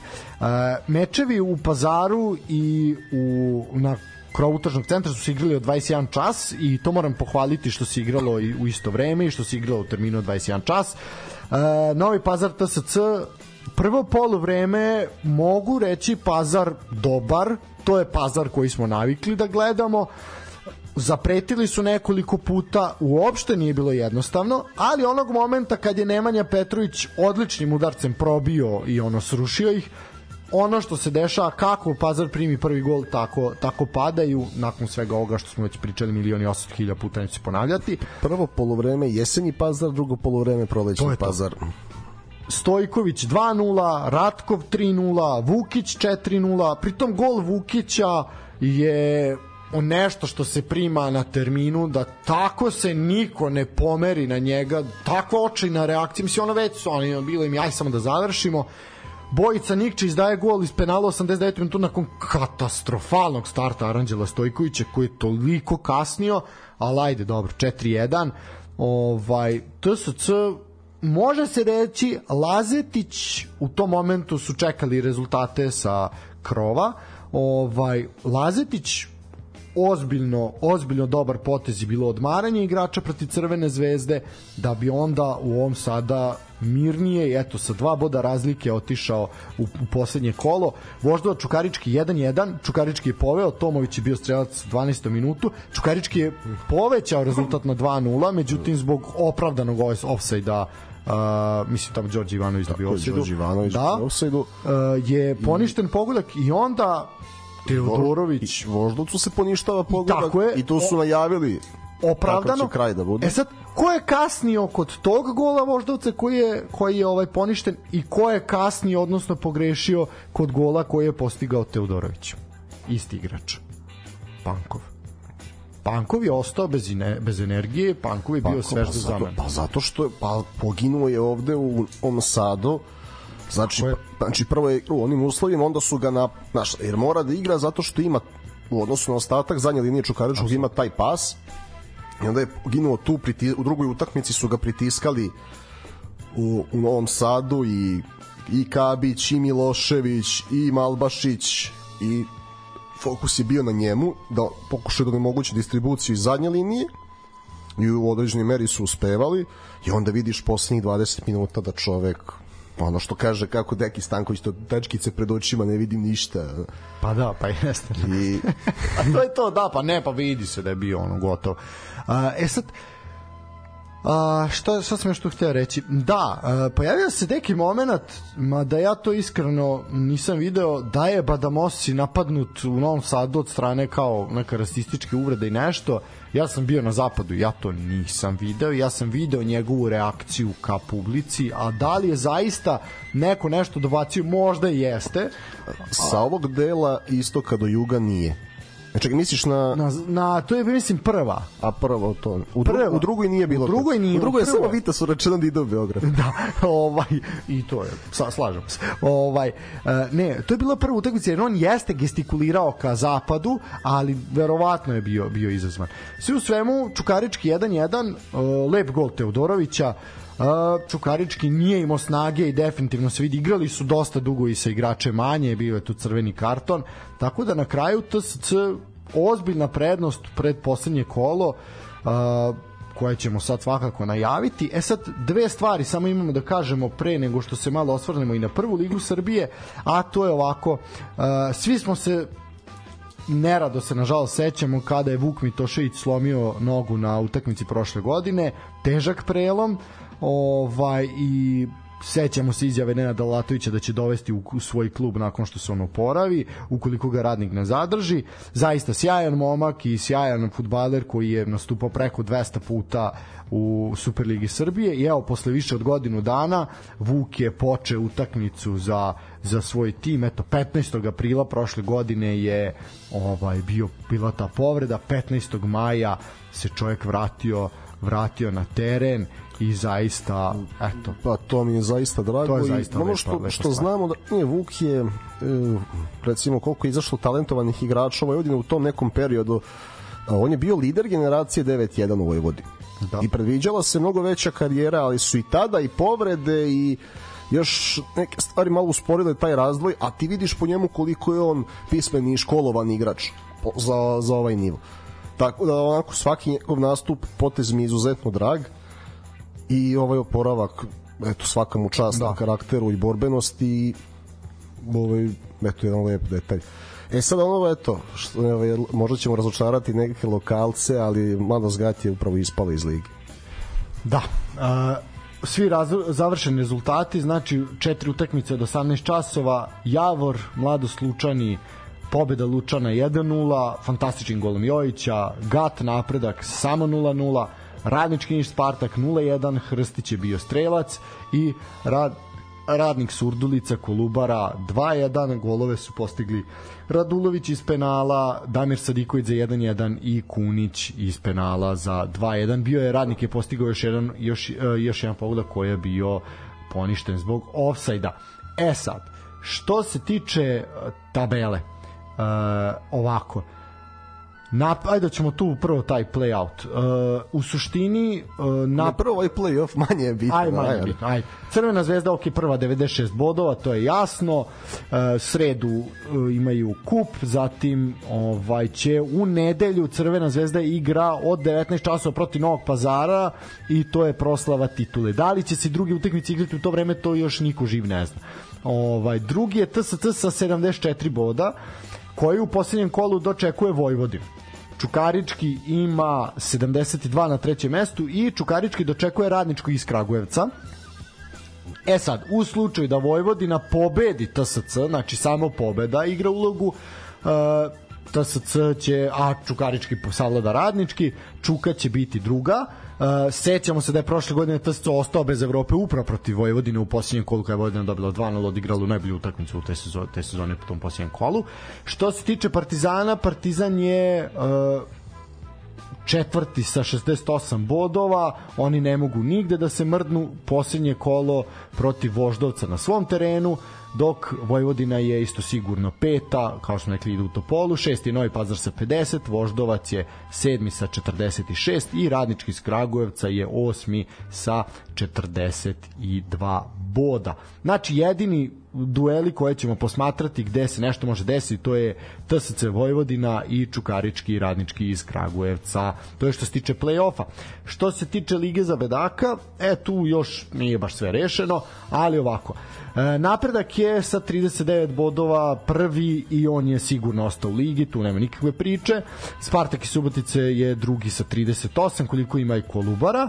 E, oni su takođe mirni koliko ja vidim ne mogu oni ne mogu ovaj oni ispasti više Luč... Pa, ne, znaš kako sad reći Spartak možda može u baraž zato što je bio 13 jer se gleda Zbog plasman. plasmana znači Kolubara da. je bila deveta ima Kolubara 3 boda može, više da. i ok Kolubara, Kolubara je, ostala iako izgubila danas Spartak Spartak ovaj Pa Spartak igra... U teoriji može, u nekoj teoriji ja, da. može u baraž, ali opet ali... ako ostanu, ako odigraju X protiv radnika u posljednjem kolu, oni su ostali, mislim, tu nema priče. Uh, e sad, Lučani su, Lučani su kritični na, na tom četvrtoj poziciji sa 35 bodova, uh, Uh, radnički iz Niša radnički iz Niša, radnički iz Niša je prvi ispod te crte koja vodi u baraž sa 35 bodova, drugi je Javor sa 34. Ne, gledaj, uh, radnički nije, sad ću ti reći, uh, ova flash score tabela ne pokazuje... To pokazuje zapravo, trenutno, da, ali ne, ako bude... Radnički Niš je zapravo iznad mladosti jer su bili iznad... Ok, da. Znači, 12 je radnički, 13. mesto Mladost Lučani po 35 bodova. To je u slučaju da se sad završava šampionat, da. Mislim da je da se ne igra, da nema narednog kola. Uh, Javor smo rekli 34, Surdulica takođe 34 i Gat je nažalost ispao nažalost ili na sreću i taj ta posljednja posljednje kola i u duel sa Lučanima njima ništa neće značiti 30 bodova samo, nažalost, nažalost nedovoljno. Ali eto, to je jedna od prognoza koje smo pogodili, imali smo, svi smo se ipak složili da će GAT biti jedna od dva tima. Tako je. Uh, e sad, što se tiče najave narednog kola, nemam... Falilo je još doktorskih disertacija. Falilo je, falilo. Kasno su počele. Uh, ovako, znači, što se tiče, možemo odmah pisati, samo da ja otvorim svoj notes. Uh, znači imamo kup mislim što se tiče kupa to zaista neću komentarisati mislim da je sve sem pobede Crvene zvezde apsolutno ovaj onako katastrofa za isti klub tako da zaista sve sve novce na na Crvenu zvezdu. Uh, dobro, što se tiče play, play-outa, ovde stoji nedelja 18 časova, vidjet ćemo. Uh, Kolubara, Radnički Niš. To sad, malte ne, on, to je pa Kolubara može da izgubi Niš treba da dobije ma pa liči na dvojku neko ne ne bih ograđujem se da ne bih voleo pa znači ti kažeš dvojka, ja ću reći Kecix. Ajde, verujem da Dragiša ono može za kraj da malo osvetla. Može, samo se nadam da se nisu baš toliko raspustili. Pa deluju dosta kao ono osmaci, ono već u maju mesecu, otprilike tako deluju. Uh, Lučani Gat. Ha, od toga da će Gat izboriti opstanak u posljednjem kolu, sad Lučani imaju zicer. Pa, znaš kako, meni to, kažete, vuče mi na kec, mislim da jednostavno GAT kao klub mentalitetski da će to sada bude, da, da će... Ko to raspalje, da. Znaš, da im se ne igra. Uh, ja ću isto reći, kec, mislim da je to, mislim da je to Lučani onako, ispucaće iz svih oružja. Uh, A, napredak. I moram, e, moram da kažem, da. da moram pohvalim Tomislava Sivića, ne, ovo, je... jer su Lučani delovali onako beznadežno izuzev Total. nekih Jojićevih partija cele sezone i daš razmišljaš onako u tom ambijentu da li se njima ostaje u ligi i onda je znači sve što mu nije išlo ovaj prošlog leta sa radničkim naplatio i tom radničkom u Nišu i podigao mladost i evo sad ima znači pobedi kući ekipu koja je onako mentalno verovatno ubijena posle ovoga i ostaje Tako je. A, tako da bih ja ja verujem da će tu doći pobeda Lučana. E sad, e, napredak Javor. To je 0 do 2. Dobro. U suštini tu su Javoru bodovi, bodovi neophodni. Ako želi da se, mislim, mora doći do sva tri boda i da se nada da će ovi zabeležiti ostali poraz, što je poprilično teško. Začekivati i Spartak, Subotica, Radnik, Mhm. Pa vidi, da. sve, sve ukupno nešto bolja forma radnika, ali na gostovanju i Spartak u kojem još treba bod. A radniku, to, to će biti najbolja utakmica. To će prošti sve radniku igra pobeda samo zato što o, oni bod da uzmu moraju da se nadaju porazu Javor. Da. Da bi otišli u baraž. Tako da im je pobeda neophodna, prošto će sve. Ja ću reći gol gol. Pa ja ću da kažem uh, gol u oba polovremena. Uh, jedan, jedan plus drug. Dobro. A dobro po golu oba, ja sam po gol. da, ne, po gol. Po gol, dobro, ne. Ali ne, pa znaš kako, uh, vidi, to može da bude i, i dva gola i šest, po broju šansi koje očekujem. Da, da li će da ih iskoriste i ko to mi je... Al... To se dosta zavisi od golmana, da, koji budu. Uh, dobro, to je što se tiče play-offa. Što se tiče play-outa, uh, Crvena zvezda, Novi Pazar. To je što se tiče play-offa. da. Uh, Crvena zvezda, Novi Pazar. Pa ne šta, Keci, domaćin daje tri proslava, titule. Samo me zanima da li će Borjan da šutira neki penal ponovo ili... Ja, da, sam kod Borjana, to nismo rekli. Uh, napad na Borjana. Šaki komentar na to. Pa ne, ne može da se napada igrač, mislim. Pri to, ali opet sa druge strane, šta Milan Borjan radi u delu, na delu tribina koje pripadaju gostu domaćim navijačima, pardon. Ovaj, znaš, kao, šta ti tu tražiš? Je, A pritom si stakav sa izjavama kakav sam, niko te ne voli. Šta, šta ćeš ti sad? Gledaj, mi vrlo dobro znamo određene fotografije za koga je čovjek navija i cela njegova, ceo njegov mandat se on dokazuje tu da on, on se dokazuje, razumeš, sad pokušava da bude veći idelija od Vladimira Šavije ili koga već, razumeš. Mm. I to da, traje šest godina. Ali ne sme niko da napada bilo koga, pa ni sportistu, pa aktera, utakmice, futbalera i to nije u redu. Čukarički i radnički Kragovac. Mm, ja očekujem Kec, šta Pa ja vidi, ja ću reći, ja ću reći X, jer Čuka ima finale kupa, a nakon toga ima ozbiljnu utakmicu protiv Kragujevca. Kragujevac je svima zadao probleme. Mislim da će biti dobro za gledanje da će da. na kraju da izvuče Čuka. Pa ja ću reći ajde X, eto čisto malo da, da zakuvamo.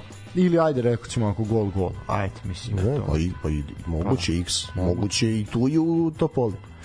Vrlo. Uh, Partizan Voždovac. Partizan Voždovac, ta, to mi je Pa, šta, to onako će biti sablasno, ali ja očekujem neku ipak pobedu Partizana, ali šta znam, a ne, možda po, eto, nekako padaju golovi sad na Partizanovim mečima, pa ne bude 1 do 3 i prvo i drugo. 3, 1 do 3. Tako je bilo i u Novom Sadu i ovo prethodno. Pa ja ću 3 plus, ajde. A, I TSC Bačka Topola Vojvodina A ja mislim da će da ostanu drugi. Znači, sad ne znam da li sa pobedom ili s nerešenim, ali neka neka bude pa isto, ne bude 1 plus pro, 1 plus drugo.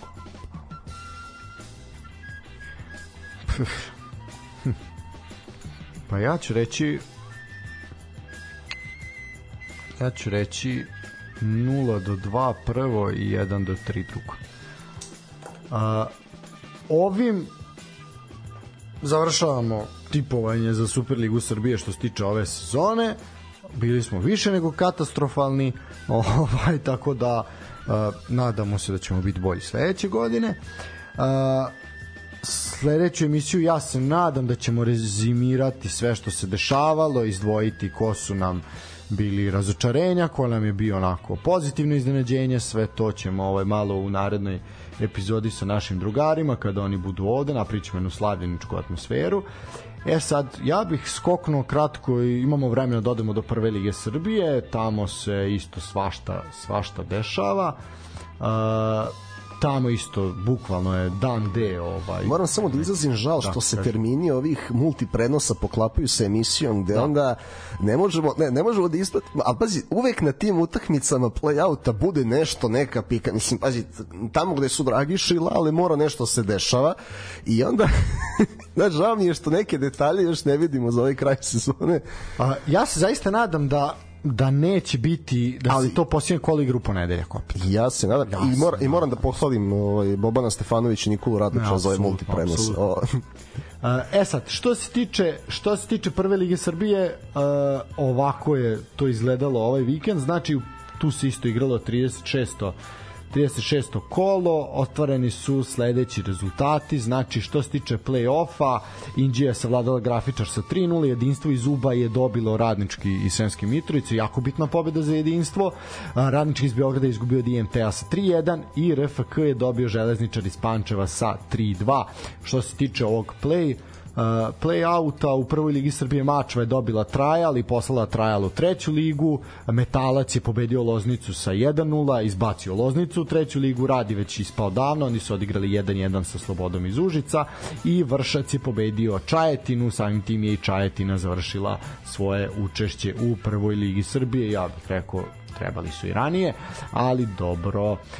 E sad, što se tiče e, onog dela koji je svakako najzanimljiviji, a to je ko će biti učesnik baraža, znači znamo da su IMT i Železničar direktni učesnici Superligi Srbije, čestitamo IMT-u i na tituli, Ovaj, a što se tiče jednima i drugima na istorijskom plasmanu najviše rang. Dobrodošli, nek se pokažu da se zadrže u kom smislu, neka budu bolji nego neki drugi klubovi igrački po ponašanju. Tako je. E sad, uh, grafičar je treći, grafičar je sigurno treći, grafičar ide u baraž, vidjet ćemo još proti koga će igrati. Uh, e sad, borba je sledeća. Uh, jedinstvo UB, Indija, Radnički se, i Sremske Mitrovice se bore za to četvrto mesto, odnosno to je tu poslednju pozivnicu za baraž. Uh, u posljednjem kolu to će izgledati ovako radnički na svom terenu dočekuje upravo Indiju, a jedinstvo gostuje u Pančevu. E, tu ćemo sad videti piše ovde 27. maj od 17.30 da se igra, sad vidjet ćemo da li će to biti zaista u tom. Uh, ne znam, mislim zaista onako tu, bi, tu može biti svega, mislim sad možda najlakši posao ima to jedinstvo. Vazi, znaš, kako svi koji si naveo, opet smo pričali o tome, mislim da imaju veću ambiciju dugoročno od grafičara. Definitivno, to uh, svakako. Ne, opet kažem ti ovo, ovako kako su uhvatili, kad gledaš sad ko će biti u baražu, uh, a, evo, kad gledaš ko su opcije da budu Radnik, Javor, Lučani, Niš. Da, radnički Niš i u teoriji i Spartak, još teoretski. Ali mislim da na kraju neće, da će se poklopiti da budu u najgorem slučaju 12. Ja šta gledaš o m, sad si taj radnički niš malo podigao, mislim oni su iskreno igraju ispod očekivanja, ima tu i igrača. Na dve utakmice jako teško da bilo ko dole dobi. Ne očekujem tu neko iznenađenje. A objektivno je pitanje ko je spreman za Superligu. Pa znaš šta je najtužnije što od ovih šest ekipa koliko sam ja nabrojao tebi jedan, jedan tim ima stadion. To, to je Indija. Ovo sve ostalo je katastrofa. Taj UBA, ajde. Kao, mislim, ali ono, i to je, i to je slabo. A i znamo kako su ušli u prvu ligu. Tek to je pitanje, to je posebna priča. Znaš, tu je, tu je malo problem. Gde će, kako će, najveća nebuloza, Čukarički će da igra u Loznici jer mu se renovira stadion, a IMT će da igra na stadionu Čukaričku. Kako? Kako će da igra ako će stadion se renovirati?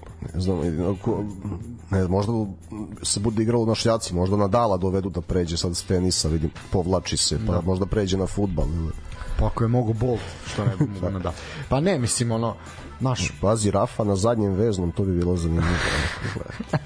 A, železničar gde će da igra mislim ja tek grafičar radnički koji licitira kažem od Subotice do Vranja ono mislim ne znam gde pritom uh, organizovan prevoz je šta sam video da jedinstvo iz Uba orga, ima organizovan prevoz na toj poslednju utakmicu protiv železničara, znači nekoliko autobusa će ići. Ovih dana su popularne te ekskurzije autobusima u Srbiji, tako da eto, ovaj možete da odete. Pa vidi, Nemanja Matić je javno izrazio podršku nekim ljudima, tako da ne nađu ti postupci.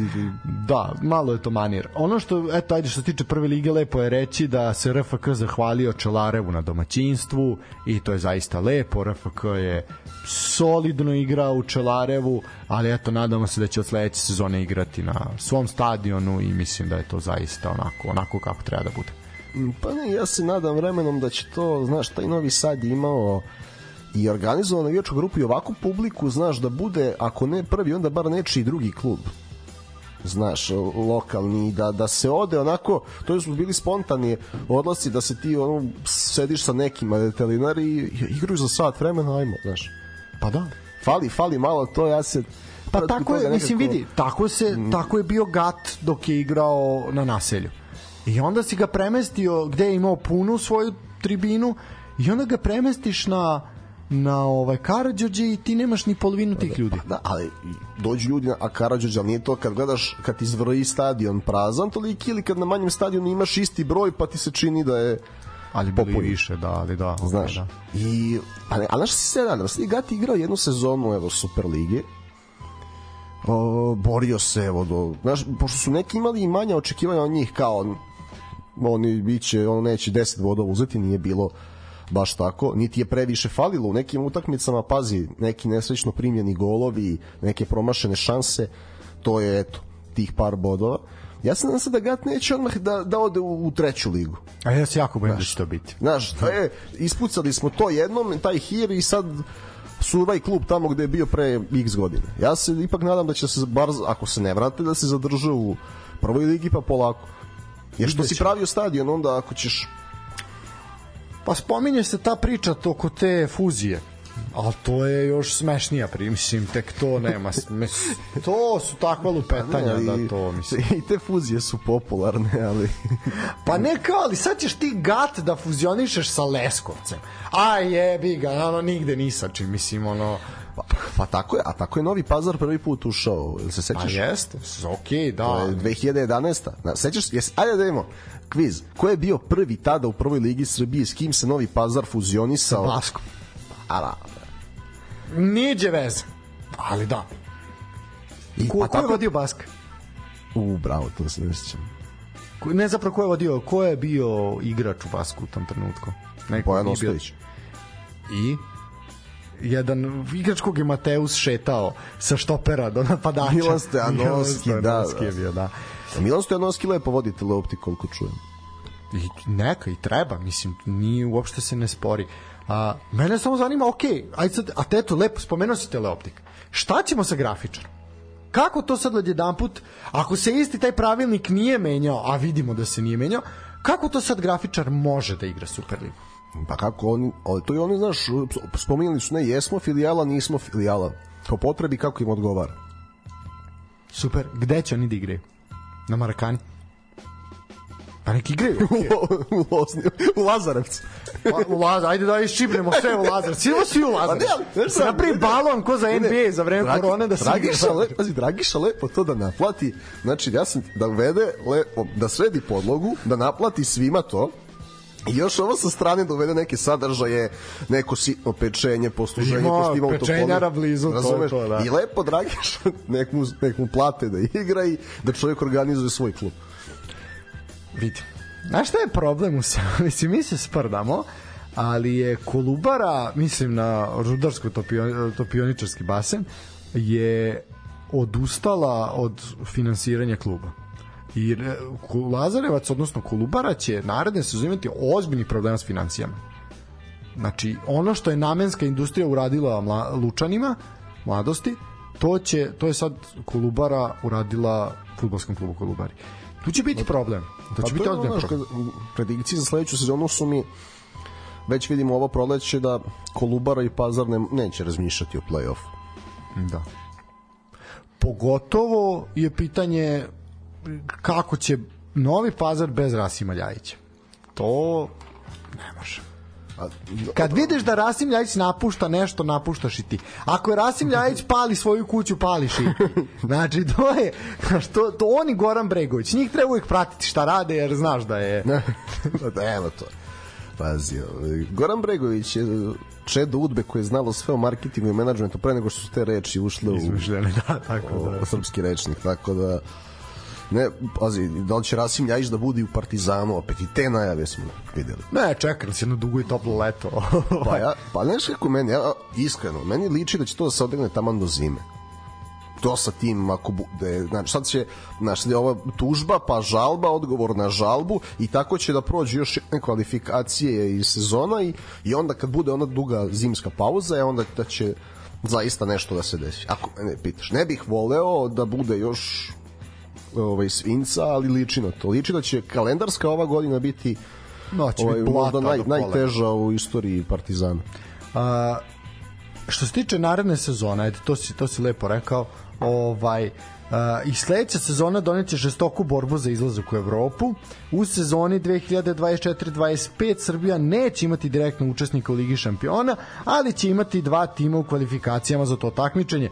Po svim procenama vrlo je moguće da sve ovo što uh, bude, da će se sve to isto imati i u sezoni 2025-26 tako da eto dodatnog motiva da i naredne sezone gledamo borbu pa poput ove ja se nadam da bude možda još i za nijansu zanimljivija ako je to ako je to moguće. A, da li se da, da to je neko postoji pitanje kad počinju kvalifikacije kad bi onda naše ku otprilike to je neka polovina jula je tako Pa, znaš kako, kvalifikacije su obično počinjali početkom jula, to prvo kolo. E sad, pošto je Liga Evrope rasformirana na taj način, i po, otkad postoji konferens mi malo preskačemo to prvo, tako da bi 15. jul je neki optimalan datum kad bismo mogli da očekujemo našu Evropi.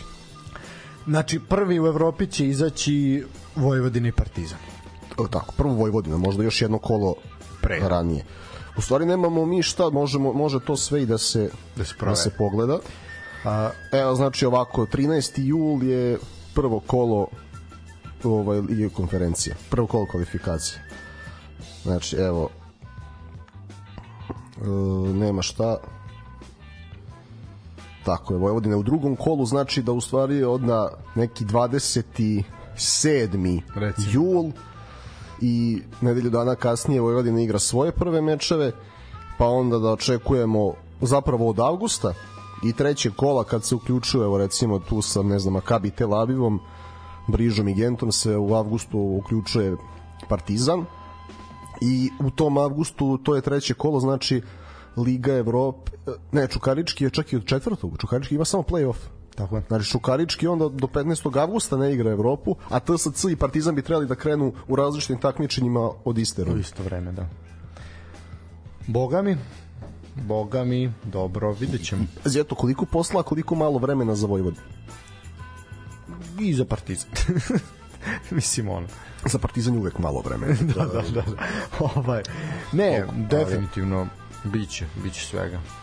Ne, to zaista nas čeka jedno dugo i toplo leto što se tiče prelaznog perioda, što se tiče svega, a, što se tiče i baraža, mislim, zaista mislim da ćemo te ti baraži su negde koliko sam ja video negde to do 7. juna će se sve rešiti ovaj tako da eto taman tama negde do, do nekih momenata kad ćemo završiti onda tu zvaničnu priču o futbalu ovaj ono što ajde imamo jedan lep jedan lep gest za kraj a to je da uh, u tom kijametu koji se dešavao ovaj u sredu uh, pošto su se razišli i navijači sa severa u jednom momentu i navijači sa istoka, samo jedan čovjek je ostao na, na istoku, gospodin Todor, koji je ostao zaista i ono po onom pljusku tamo kisnuo ovaj i zaista nakon nekoliko puta je speaker ovaj pozivao eto na aplauz i na onako svaka čast čovjek je ostao na svom mestu sačekao lepo i ovaj zvaničnu informaciju šta će se dešavati i kao nagradu od fudbalskog kluba dobio je nešto da mu to sedenje na stadionu bude još ugodnije, a to je a, eto vidiš te, kako smo mi napredna država. U 2023. godini mi se oduševljavamo što je neko napravio jastuk za sedenje na stadionu. Znaš, ono kao, dotle smo došli i sad mi pričamo o nekoj ligi šampiona, mi pričamo o dva predstavnika ligi šampiona, mi u šopu naša četiri najveća kluba ovaj ili pet klubova ajde koliko ide u Evropu ovaj tebi dva kluba recimo nude takav luksuz i takvu inovaciju kao što je jastuk za sedalicu u bojama tvog kluba tako da eto jedan je TSC drugi je Vojvodina ovi ostali nemaju. Tako da eto mislim znaš o čemu mi pričamo šta? Pa bo, bolje ište. Ja, ja, znaš, ja sam shvatio da bi morao da se baviš Superligom čaša mora uvijek da ti bude do pola puna. Ne, ja se slažem. I onda ja, znaš, da kad bih sad krenuo tako detalj po detalj, onda bi sve je problem. Pa sve je problem i bio bih stalno negativ. Ajde da vidimo, ok, nemamo ništa, aj sad polako, onako da, da stvaramo ne, nešto. što se tiče toga, svaka čast šopu Futbolskog kluba Vojvodin koji zaista ove sezone posložio malo, to sad liči na nešto. TSC u redu, Zvezda u redu, ajde da probamo da taj Čukarički konačno privuče neku publiku, ajde da ovaj Partizan, mislim, to pričati o marketingu Partizanu, to je problem. Veliki, pa, to je, to je enigma, ono, mislim. Ali, kažeš, kako, to, to ti je kad nemaš jednostavno, taj, taj Čukarički njimo navijaču bivše državi. I onda to često ide sa na sina. I kako, znaš, kako klinci da počnu navijaju za, za Čuku? Znaš, to je... Pa tako što će ih neko motivisati da dođu. Razumeš? Znači daj nešto, ono, dajde nekako da ih motivišemo, nešto, nešto napravite. Po školama, idite ne naš, ono što što radi Vojvodina. Ne, tako, tu Evropu moraju da iskoriste za to. Evropu, sad ili nikad, sad im je prilika, dobit ćete nov stadion, dobit ćete, u krajnjoj liniji napravite Partizan iz Fulembrade, Čukarički iz Loznice, napravite da ljudi iz Loznice dolaze da gledaju Čukarički. Ne, to, nek bude hiljadu ljudi, pa nek bude pazi, ljudi. Znači, treba da ostvariš konekciju sada, kad budeš u Loznici i onu tamo sezonu na novom stadionu, znači da ljudi iz Loznice da se prijave uredno i da, da imaju neke privilegije. Apsolutno. A sad da idu da ih gledaju. Naravno, mislim, ono, imate meč loptu, radite nešto, podignite taj klub na na ovaj na viši nivo. A, zašto to pričamo? U momentu dok se dešava taj prekid na Karadžiću prišao jedan momak, evo pozdrav za Maksima, ovaj koji je pridošao inače momak iz inostranstva, ovaj pitao zašto Čukarički nema nema kao zašto niko nije došao da navija za Čukarički I onda kad smo mi objasnili da kako je moguće da klub koji se bori za Evropu i koji je u polufinalu kupa, ovaj nema ovaj navijače kad smo mi objasnili šta je kako oni funkcionišu i šta se on je rekao pa kao pa kao jel moguće pa rekao moguće je tako da naš malo zaista je to ono neshvatljivo da da da se tako nešto dešava. Ljudi, trgnite se, uradite nešto. Pazi, Čukari, ako gledaš ovih 16 klubova, Čukarički klub možda sa najmanje navijača u Superligi. Jeste ubedljivo. Ubedljivo. Znaš, jer ovaj, iz ostalih krajeva ima nekog lokal patriotizma i u Ivanjici, i u Lučanima, Gat ima čak srpske kojote, ti kad pogledaš hoće to neko da gleda, Subotičani malo spavaju, ali su opet imali Ima ih. navijače. Samo što... Kragujevac i Niš, da ne pričamo. da. Kruševac isto kako tako. Ali Čuka, pazi, čak i Voždovac ima više navijača od Čuke. Da. Mislim, i ovo čak Ivanjica, Kolubara, sve su to da. Kolubara, šta ti Da, pa. Bio, mislim. bio si tamo. Bio sam, video sam, nema šta. Ne, zaista, da, mo, mora se nešto uraditi po tom pitanju, jer je šteta da ne napravite brend od, od kluba, jer je to zaista, zaista moguće. Tako da, to je baš onako, tu ima toliko ali- prostora za to da to je i nevrovatno. opet, i ni TSC ima navijače, nema toliko. A sad se postavlja pitanje zašto je uloženo baš u dva kluba, e, zašto Galo Obradović i ovaj, ova ekipa oko TSC-a, su- zašto je uloženo baš tu? Pa možda, znaš, baš zato što nema navijača da neće imaju problem. I to je pitanje, znaš, To je vrlo dobro pitanje, da. da li je, recimo, da li je Gale svesno birao Čukarički? Jer ja verujem, pazi, Zato što Čukarića nikog ne zanima. Znaš, jer ga, nema ko da ti se pomogne. Gale, pa Gale mogu da uđu u OFK Beograd tako kad gledaš, ako već u neki, ovaj, gledaš Beogradski klub. Pa mogu. Ili u rad koji ima neke navijače. Al, Pa jeste, i onda ti dođe, dođe neko i kaže, e, znaš šta, znaš, Pa ne, i mi ti sređuješ valjda- nešto da bi ono, tvoji navijači na rasnoj osnovi vređali protivnički igrače, pravili skandale i ti si uložio u šta? Znaš, sad je to pitanje kad će da se srede stvari da neko dođe i kaže ja hoću od radničkog iz Niša da napravim brend. Da. Znači, jesmo igrali ovaj, polufinale kupu UEFA, no, ne može Liga Evropa, i hoću polufinale konference. Neko da dođe da kaže, hoću da Dragan Stojković Pixi bude ambasador kluba, ili da ima tu i tu funkciju u istom, ja ću da uložim novac. Ali, Ali, da. ja, Pa ne, mislim, da, zaista.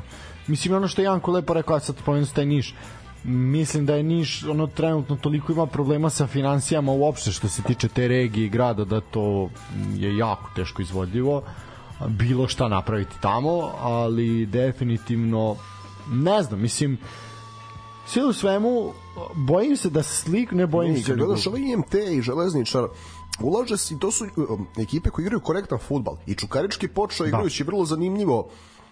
U nižem rangu i TSC igra odličnu utakmicu u prvoj ligi. Tako je i ne znam i metalac.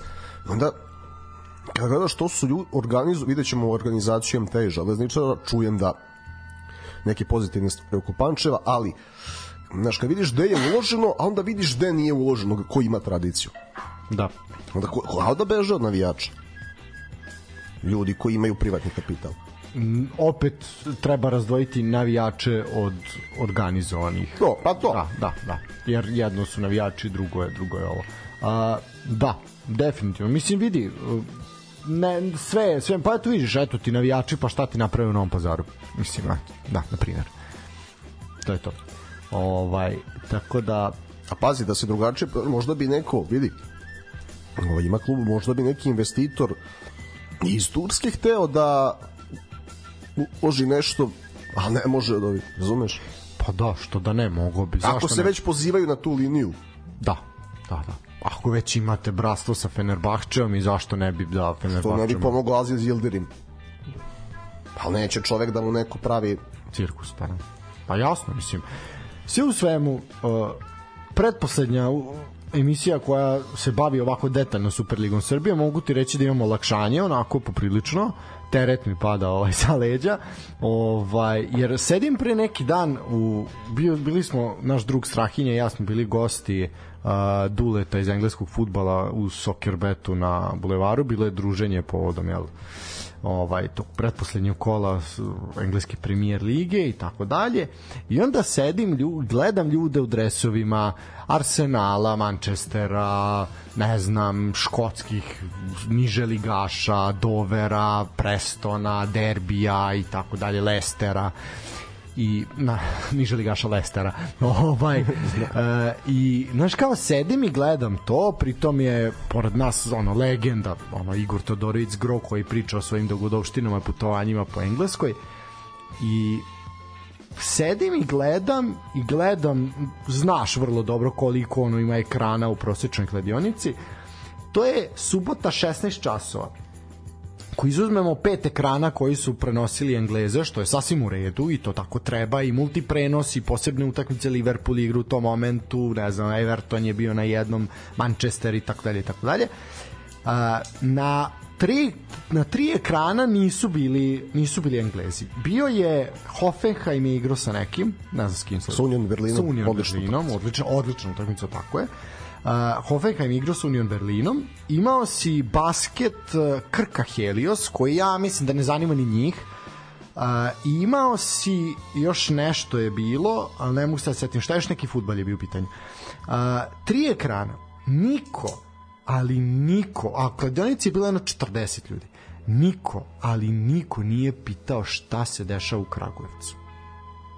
ja sedim, ja sam pratio preko telefona, na, ovaj, baš sam gledao, i kao, znaš ono, niko nije pitao šta se dešava u Kragujevcu. Nešto što je potencijalno moglo biti dobra utakmica, što je to sad bilo ta, ono, natignuto 90 Pričamo o Crvenoj zvezdi, ne pričamo. Pričamo o Crvenoj zvezdi, da. Znači da tebe, ali nikog, ali nikog ne zanima šta se dešava na, u Superligi Srbije, gde tebi ide na areni malo, malo najava za Vojvodina Partizan koji se igra sutradan, i da to niko nije spomenuo, da niko nije ništa rekao, to toliko ljude ne zanima. Ja sam bio malo šokiran, onako malo tužan, ono kao, je li moguće da, ono, da nas zaista to toliko ne zanima? ja shvatam zašto je Premier Liga primamljiva za gledanje, da je to tehnički besprekoran futbal, da je to zanimljivo, da je to čisto jel, ljudima i tako dalje, sve to stoji, jer je nažalost prva asocijacija na naše je blato, u svakom smislu te reči, ovaj, i ono kao, je li moguće da to ono nikog živog ne zanima? E, tu, je, tu sam baš onako držio neki poraz, ono kao, jebemo, naš. Moguće, ali gledaj jednu stranu, stranu što ima mnogo loših stvari, a, ka, znaš, kad se desi nešto dobro, to niko neće da pohvali. Tako je. A mediji baš trče da kritikuju futbol, ali to je, mediji imaju jako veliku ulogu globalno i vidimo da sad ulazimo u neke teme kako se to izvodi i čega smo sve svedoci. Danas kad možeš da se informišeš na različite načine, pa uočiš određene prevare, nebitno koja je sfera u pitanju, način izveštavanja i koja zemlja. E,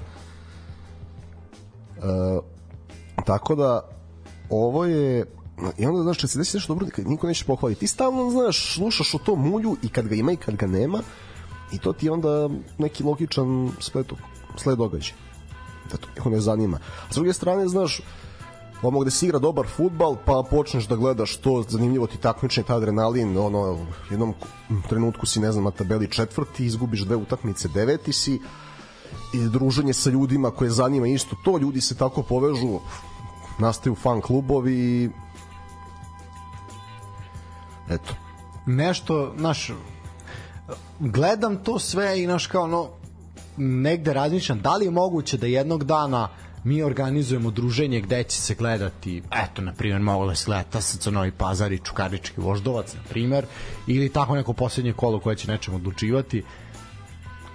A, teško, potrebno mnogo vremena i mnogo dobre volje i dobrih namera. Znači, znaš, mi, kod da ja ne znam neke stvari, ne očuvamo i sami da, komentarišemo. Naravno da šta ne valja. Ali to, ja neću da trčim da, da pljujem bilo koji klub dok stvarno ne kažem ljudi nema da, to da nema smisla da. Znači ajde da bilo ko pokuša da da uradi nešto dobro ali opet kako je bilo pre par godina sad je još i dobro da mora mnogo bolje mora kada ćemo to doživjeti pa kažem ti mora a, znaš kako je pošto ljudi pričaju na meštanjima ovaj, nekako evo gledam, znaš, ovaj, zašto se ponovo više gleda serija A nego Bundesliga i ovaj primer. Pa zato što sada je bilo u poslednje četiri godine četiri različita prvaka. Pa onda već ako neko namešta utakmice, da nek počne malo da, da šteluje različite prvake ovde, da bi bilo, ako je već tako šalu na stranu, nije, niti to baš tako izvodljivo, ali uh, moraju mora to znači da ne znaš u, u napred ako bude TSC prvak, ako bude Vojvodina prvak, ako bude Čukarički prvak, uh, radnički, iš, uh, to će onda neko i da, da gleda. Eto, ako bude više ljudi poput naših drugara sa Fusta, ako bude više ljudi poput kalčopolista, svih naš, ono, ljudi, ajde, pokrenuli smo se preko mreža, preko svega. Uh, ja se zaista nadam da je nešto što nas može spasiti su ti zaista hibridni tereni koji će doći u narednoj sezoni. Ajde da mislim da to može da podigne kvalitet. Jer videli smo da ljudi mogu kada imaju na čemu i da neki ljudi žele i mogu i trude se iako baš i nemaju na čemu, mislim na Kragujevac na primer, Znači, ajde da vidimo, ja se zaista nadam da nam je to neka odskošna daska, da se napravi nešto, da to bude gledljivo. Pa sa tim stadionima, pa i neki igraju u Poloznici, Leskovcu, Zaječaru i šta ja mislim, iako ne pripadaju tamo, ali ajde da to liči na nešto, ajde da ovi naprave nešto u Evropi, jer ono, e, bez obzira na sva ta drvljenja između sebe i na sve, ipak, znaš ono, mora se napraviti, svi moraju da shvate, kao u formuli, svi ste vi koliko god ste bili rivali, vi svi radite na istom poslu. Vama je posao promocija. Znači, od vas zavisi koliko ćete Pazi, i kako živete. Sad, ako TSC i Čukarički imaju garantovanu grupu i ako ne urade ništa, to je kanal. To neće, to na njima je sad ogroman teret. Jeste, jeste. To bojim se da možda čak nisu ni nisu ni svesni kolike. Ali ajde. Što bi rekli, nadam se da ima neko ko tome razmišlja. Jer gledaj, ako se desi, ako se treba im, pa ne, evo sad je trenutak da da država mogne da, da uloži da da stvarno što oni se aze plaćaju igrače redovno, ali sad je trenutak da im se pomogne da imaju, pazi, evo ja gledam ovaj, koliko nama bio ni simpatičan i drag, ali Đoli Ivanović, ako on bude startur u Evropi, to je, mislim, znaš, on kad nabije glavu dole odsustvo kolektivne igre, znaš ti kako moraju da se donose odluke na, na tom nivou. Koliko igrača potrebno i Čuki i TSC-u. Ja se nadam da će da ih dobiju. I fizička sprema. I fizička oni, oni čak to imaju. Može i bolje, ali oni još imaju. Oni još imaju. Ta, oni još imaju. To je ključno. Oni još imaju, ostale mi ništa. Znači, ali to ok, nismo možda tehnički jer, najpotkovaniji, jer, ali daj nek budemo ne, da pa, se ore. Pa, Demoj da nas natrčavaju ono koje kakvi ono pa, ja sam gledao iz, pa ja sam gledao ekipa evo iz Austrije. Znači tu stvarno ima nekih ekipa koji interesantno rade stvari igrača, ali imaš ekipa koje su čisti fizikalci, onako gomile jednolični, svi igraju kod igraju istu poziciju. Da. Vize, liče u nek, stanu neku, pa da, stanu neki 4-4-2, ali toliko trče, uđe sa petog mesta u konferens neki Agenfurt i ore. Pa, pa to je to. Ne, ne, ne, možemo komplikovati. Ne, ne, potrebno se komplikovati. I onda, znaš šta se desi, ako TSC i Čuka ne naprave rezultat, onda će ova, znači velika većina koji pripadaju navijači Zvezde i Partizana reći, pa ne, šta, samo mi možda igramo u Evropu, evo vam ovi vaši klubovi bez navijača i tako da imaju ozbiljan zadatak ja se nadam da će da, da ga ispune po cenu znači e, po cenu Super lige i tabele u istoj znači bolje im je da budu privremeno i negde šesti, ali da pobede nekog u Evropi, nego da i opet budu na 2 i 3, a da imaju krompir u grupnim fazama. Znaš ko će imati krompir u grupnoj fazi? Šampion. Ako ne bude imao povoljan žreb, Bahar 0-0-6, gol razlika minus 15. Zapamti šta sam ti rekao. I zapamti šta će biti onda na polusezoni. Vidjet ćeš. Od toliko željenog Bahara. Pa biće Dejan Stanković ili, ili Vladan Milojević koji je izgubio titulu od Arisli Masola. Eto. To i Ben je Ben je drži ozbiljnu povredu, eto to treba reći. Ali ne, pa ne, evo, šta će biti, recimo da je Partizan Evo, vidimo kako se Zvezdi dalje muči derbima. Partizan ako bude iole konsolidovan, prođe te kvalifikacije i taj jesenji derbi na JNA je vrlo ozbiljan. Znamo koliko su se stranci mučili u derbima. Ba, Bahar, ako otvori ligu šampiona s dva poraza i porazumno u derbiju na JNA, to je problem. Sever se okreće protiv njega. Tako je. E, ali, kažem, sad će ćemo, moramo prvo da vidimo prelazni rok. Ne, ne, Znači, jer ako ti dođe, ne znam, Luka Milivojević ili neki ozbiljni igrači i da vidimo što je Bahar tražio od stranaca, da li se onda slačionica kontroliše, to je... To ćemo vidjeti isto. Jer, gledaj, gledaj iskreno, istorija nas uči da Zvezda nije idealna sredina za strane trenere, pa u određenoj meri, kad pogledaš broj stranih igrača koji dolazi, nije se mnogo uklopilo. Partizan je bolje funkcionisao tu. Pa jeste, jeste. Mada i tu bilo onako bilo je, ali kad gledaš, ne, kad gledaš ne, okej, okay, da. Znaš, pa evo ti strelci u derbima, znaš, za Zvezdu može i neki Kasalic, Lunović, e, ko je dao Pešić, Radonjić davali golove, da. Kataj kao domaći igrač najviše golova u posljednje vreme. Kao domaći igrač stranu, porekao. oj, oj. Dobro, pazim na Kako se zove? ali ti kad pogledaš Partizan ko je rešavao derbi Natho, Rika, da. Suma Moreira, Diara Leonardo, Žuka, da. Leonardo Tavamba Tako je, tako je, tako. Boj, Partizan je nešto bolja sredina za strance pokazuje. I sad Zvezda mora da prevazići taj korak da strani trener funkcioniše tu neometano od strane Severa i još koje koga.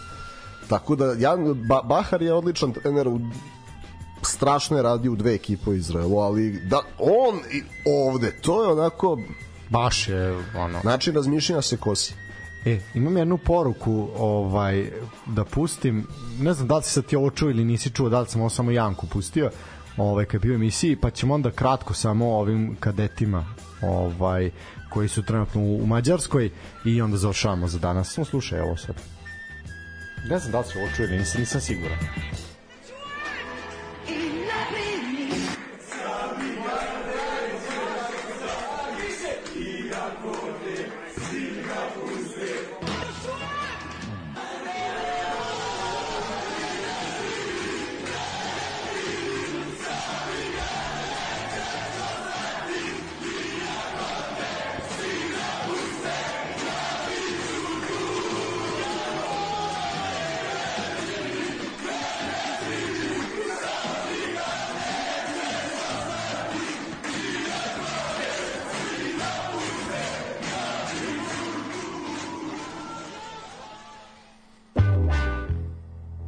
Tako, ovo sam malo se raspoložio ovaj, posle ove malo deprice u kojoj smo upali nehotom. Uh, kadeti, prvenstvo u Mađarskoj, prvo poraz, mogu, može se reći poprilično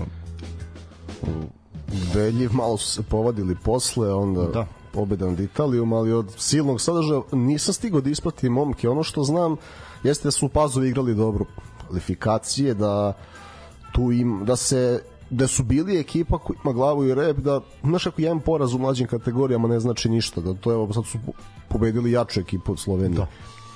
Tako da... Savladali su Italijane, kad ne znam kad tačno igraju, ovaj sad ćemo saznati kad igraju narednu. A, ali eto to je koliko sam ja video što se tiče te utakmice protiv Italije da je to u suštini uh, bukvalno je bilo u dve kontre dva gola Ovaj, da, kaže ovako, sledeću utakmicu naša reprezentacija igra 24. Znači od ovde piše 17 časova protiv Španije. Znači 24. vam dođe sreda. Ovaj, u sredu od 17 časova protiv Španije. Eto, naši momci će igrati posljednju utakmicu u grupnoj fazi. E, što se tiče bodova, znači Španci, Španci imaju 6, Slovenci imaju 3, koliko imamo i mi, Italijani su bez bodova, tako da eto, eventualnom pobedom protiv Španije prolazimo u drugi krug, odnosno u četvrt finale. Eto, tako da... Da, na tom, do, na kadetskom je lakše, jer ima 16 ekipa, pa imaš više, više opcija da napraviš rezultat. Vidjet ćemo, ispratit ćemo to malo, nismo stigli, ono, stig, stizale su poruke i sve, tar, toliko možemo da spomenemo rezultat. I ovo kažem što sam protiv Italije, malo smo to videli, čuli, a čekamo. Do duše potpuno je izmenio sastav kog sam vidio Luković u odnosu na na ove dve na ove dve utakmice više se oslonio na one snage koje su bile u kvalifikacijama koje si sam rekao da su pa ima tu pričao sam sa Jezdom ima tu manka i 2007. godište znači godinu mlađi koji već nose ovaj tim i plan je da je zdaj koji će raditi sa Jocom Damjanovićem i tom generacijom 07 a Luković će voditi reprezentaciju 19 godina plan je onda sledeće prvenstvo imaju baš veliku ambiciju takođe tako da ima mnogo talenta vidjet ćemo kako će da se razvijaju. Ne, ima čak i debitanata u Superligi Srbije. Tako da onako jedna interesantna generacija. Ovo, ja, ja ono što stvarno kad pošto si pomenuo premier ligu, ovo je stvarno istorijski uspeh Pepa Guardiola, eto posle Fergusona da je neko vezao tri premier lige. Tako je. To treba čestitati, ja da će ljudi reći kako troše, pustite vi to, troše razni, ali treba imati kontinuiranu igru i osvajati po 100 bodova, imaš ti druge neke šampione koji ne znam, jedne godine uzmu 90, sledeće 70, ovo je jedan takav kontinuitet i odučili su i Real Madrid od futbala, favoriti su u finalu i treba čoveku skinuti kapu na posvećenosti i na radu. A, e sad, što se tiče ovaj, Lige šampiona, City će igrati protiv Intera. Ovaj, mislim, ono, apsolutni su favoriti, mislim da tu mada, ali ajde, vidjet ćemo. Ja ću navijati za Inter. Pa ja ću navijati za Inter, ali Ali, bilo mi je bitno da ispadne Real Madrid, sad mi... Zaista, ono, da, bilo. Da, neću za Inter, ali se neću potresti ako Pep osvije no, no. zaslužio. Sad. A, e sad, šta kažeš na ove druge, na druga finala, na Fiorentinu i West Ham i na, ko je tamo sad, on, Sevilla i s kim? Sevilla Roma. Sevilla Roma, da.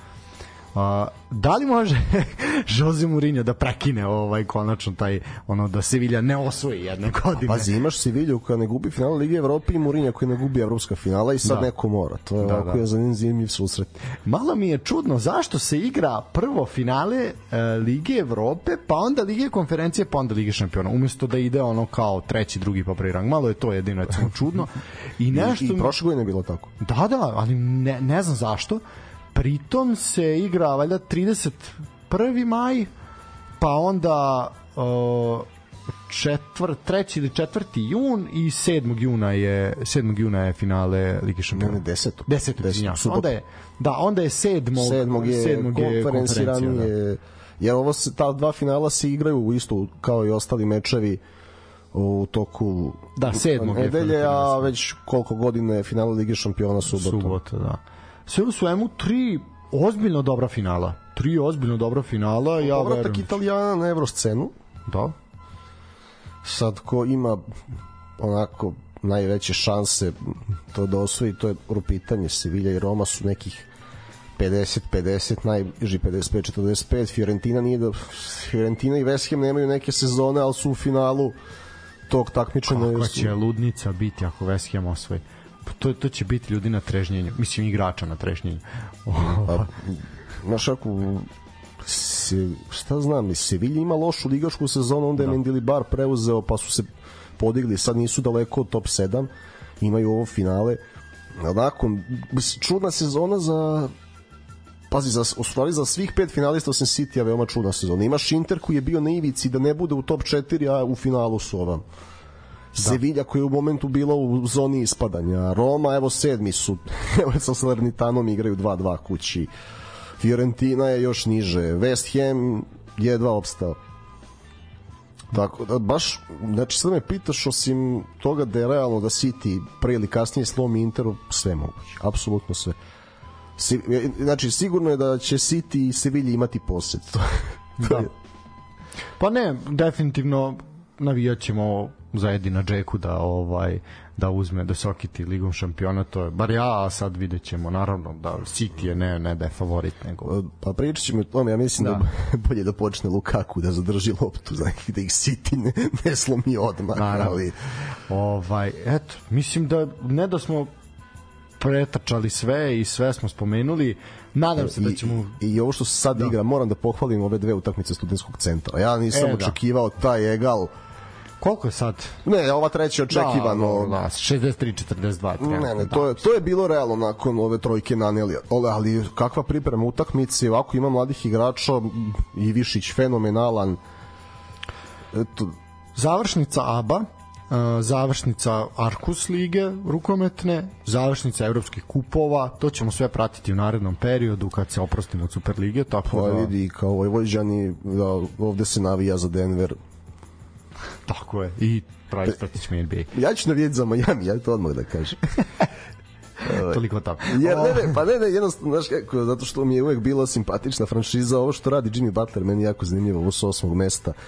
Ali, ovaj, ne znam, nekako, znaš, koliko je moje kući Saša Đorđević kult i onda kad ga neko zdrav odbije dva puta, ne, nemam taj odnos prema Denveru i Jokiću kao prema Bogdanu i Atlanti.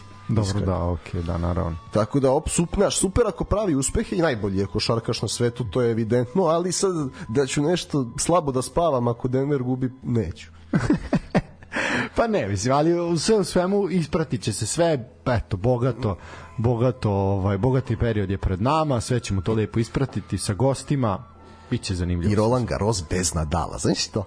da, ono, kao naš, ono, otkad znamo, za, mislim, aj ne baš otkad znamo, ali ono, veći deo naših života je čovjek bio na Roland Garrosu. Otkad sami biramo garderobu, Nadal je Roland Da, da, da. Tako da, da, da, zaista. Uh, pa ništa, da što ti ja nešto kažem. Janko Tipsarević je najveći teniser svih vremena i to. da se mi mi prešao tamo na Znaš šta, sprdaj se ti, mi kad bi tu radili, mi bi bili najveći svih vremena, bar što se tiče ovoga, kakav, da ne neke sad legende tu ne, ali ono, bili bi bolji od Gorice i Dragana, makar bi.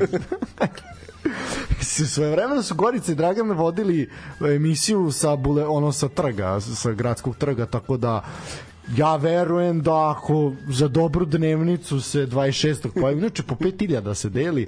O, pa digli tarifu. Digli tarifu. Ja iznajmljujem babu i dedu ako neko hoće da ih vodi ovaj, za pare, tako da ovaj, zaista, ne, ne znam šta da kažem, ljudi, pazite se, čuvajte se, ovaj, biće biće veselo. Biće biće top dugo i toplo leto ono u Srbiji na u svi, na svim poljima, na svim. To je to, ništa. Kupek se uključuje, Kupek se uključuje ovaj za neki 40 minuta, Kupek priča o tome šta je šta je poteklo iz krajine i koji umetnici, koji ljudi, koji bitni Ovaj tako da zaista je to jedna zanimljiva zanimljiva epizoda, jedan zanimljivi razgovor tako da verujem da ćete da ćete uživati. Ništa ljudi, odjavljujemo se sledeći ponedjeljak se čujemo od 19 časova, nadamo se da će tada sve biti gotovo i onda ćemo sumirati utiske Superlige, rukometa i tako dalje i tako dalje. Odužili smo i više nego što smo trebali. Laku noć, prijatno, ćao. Laku noć.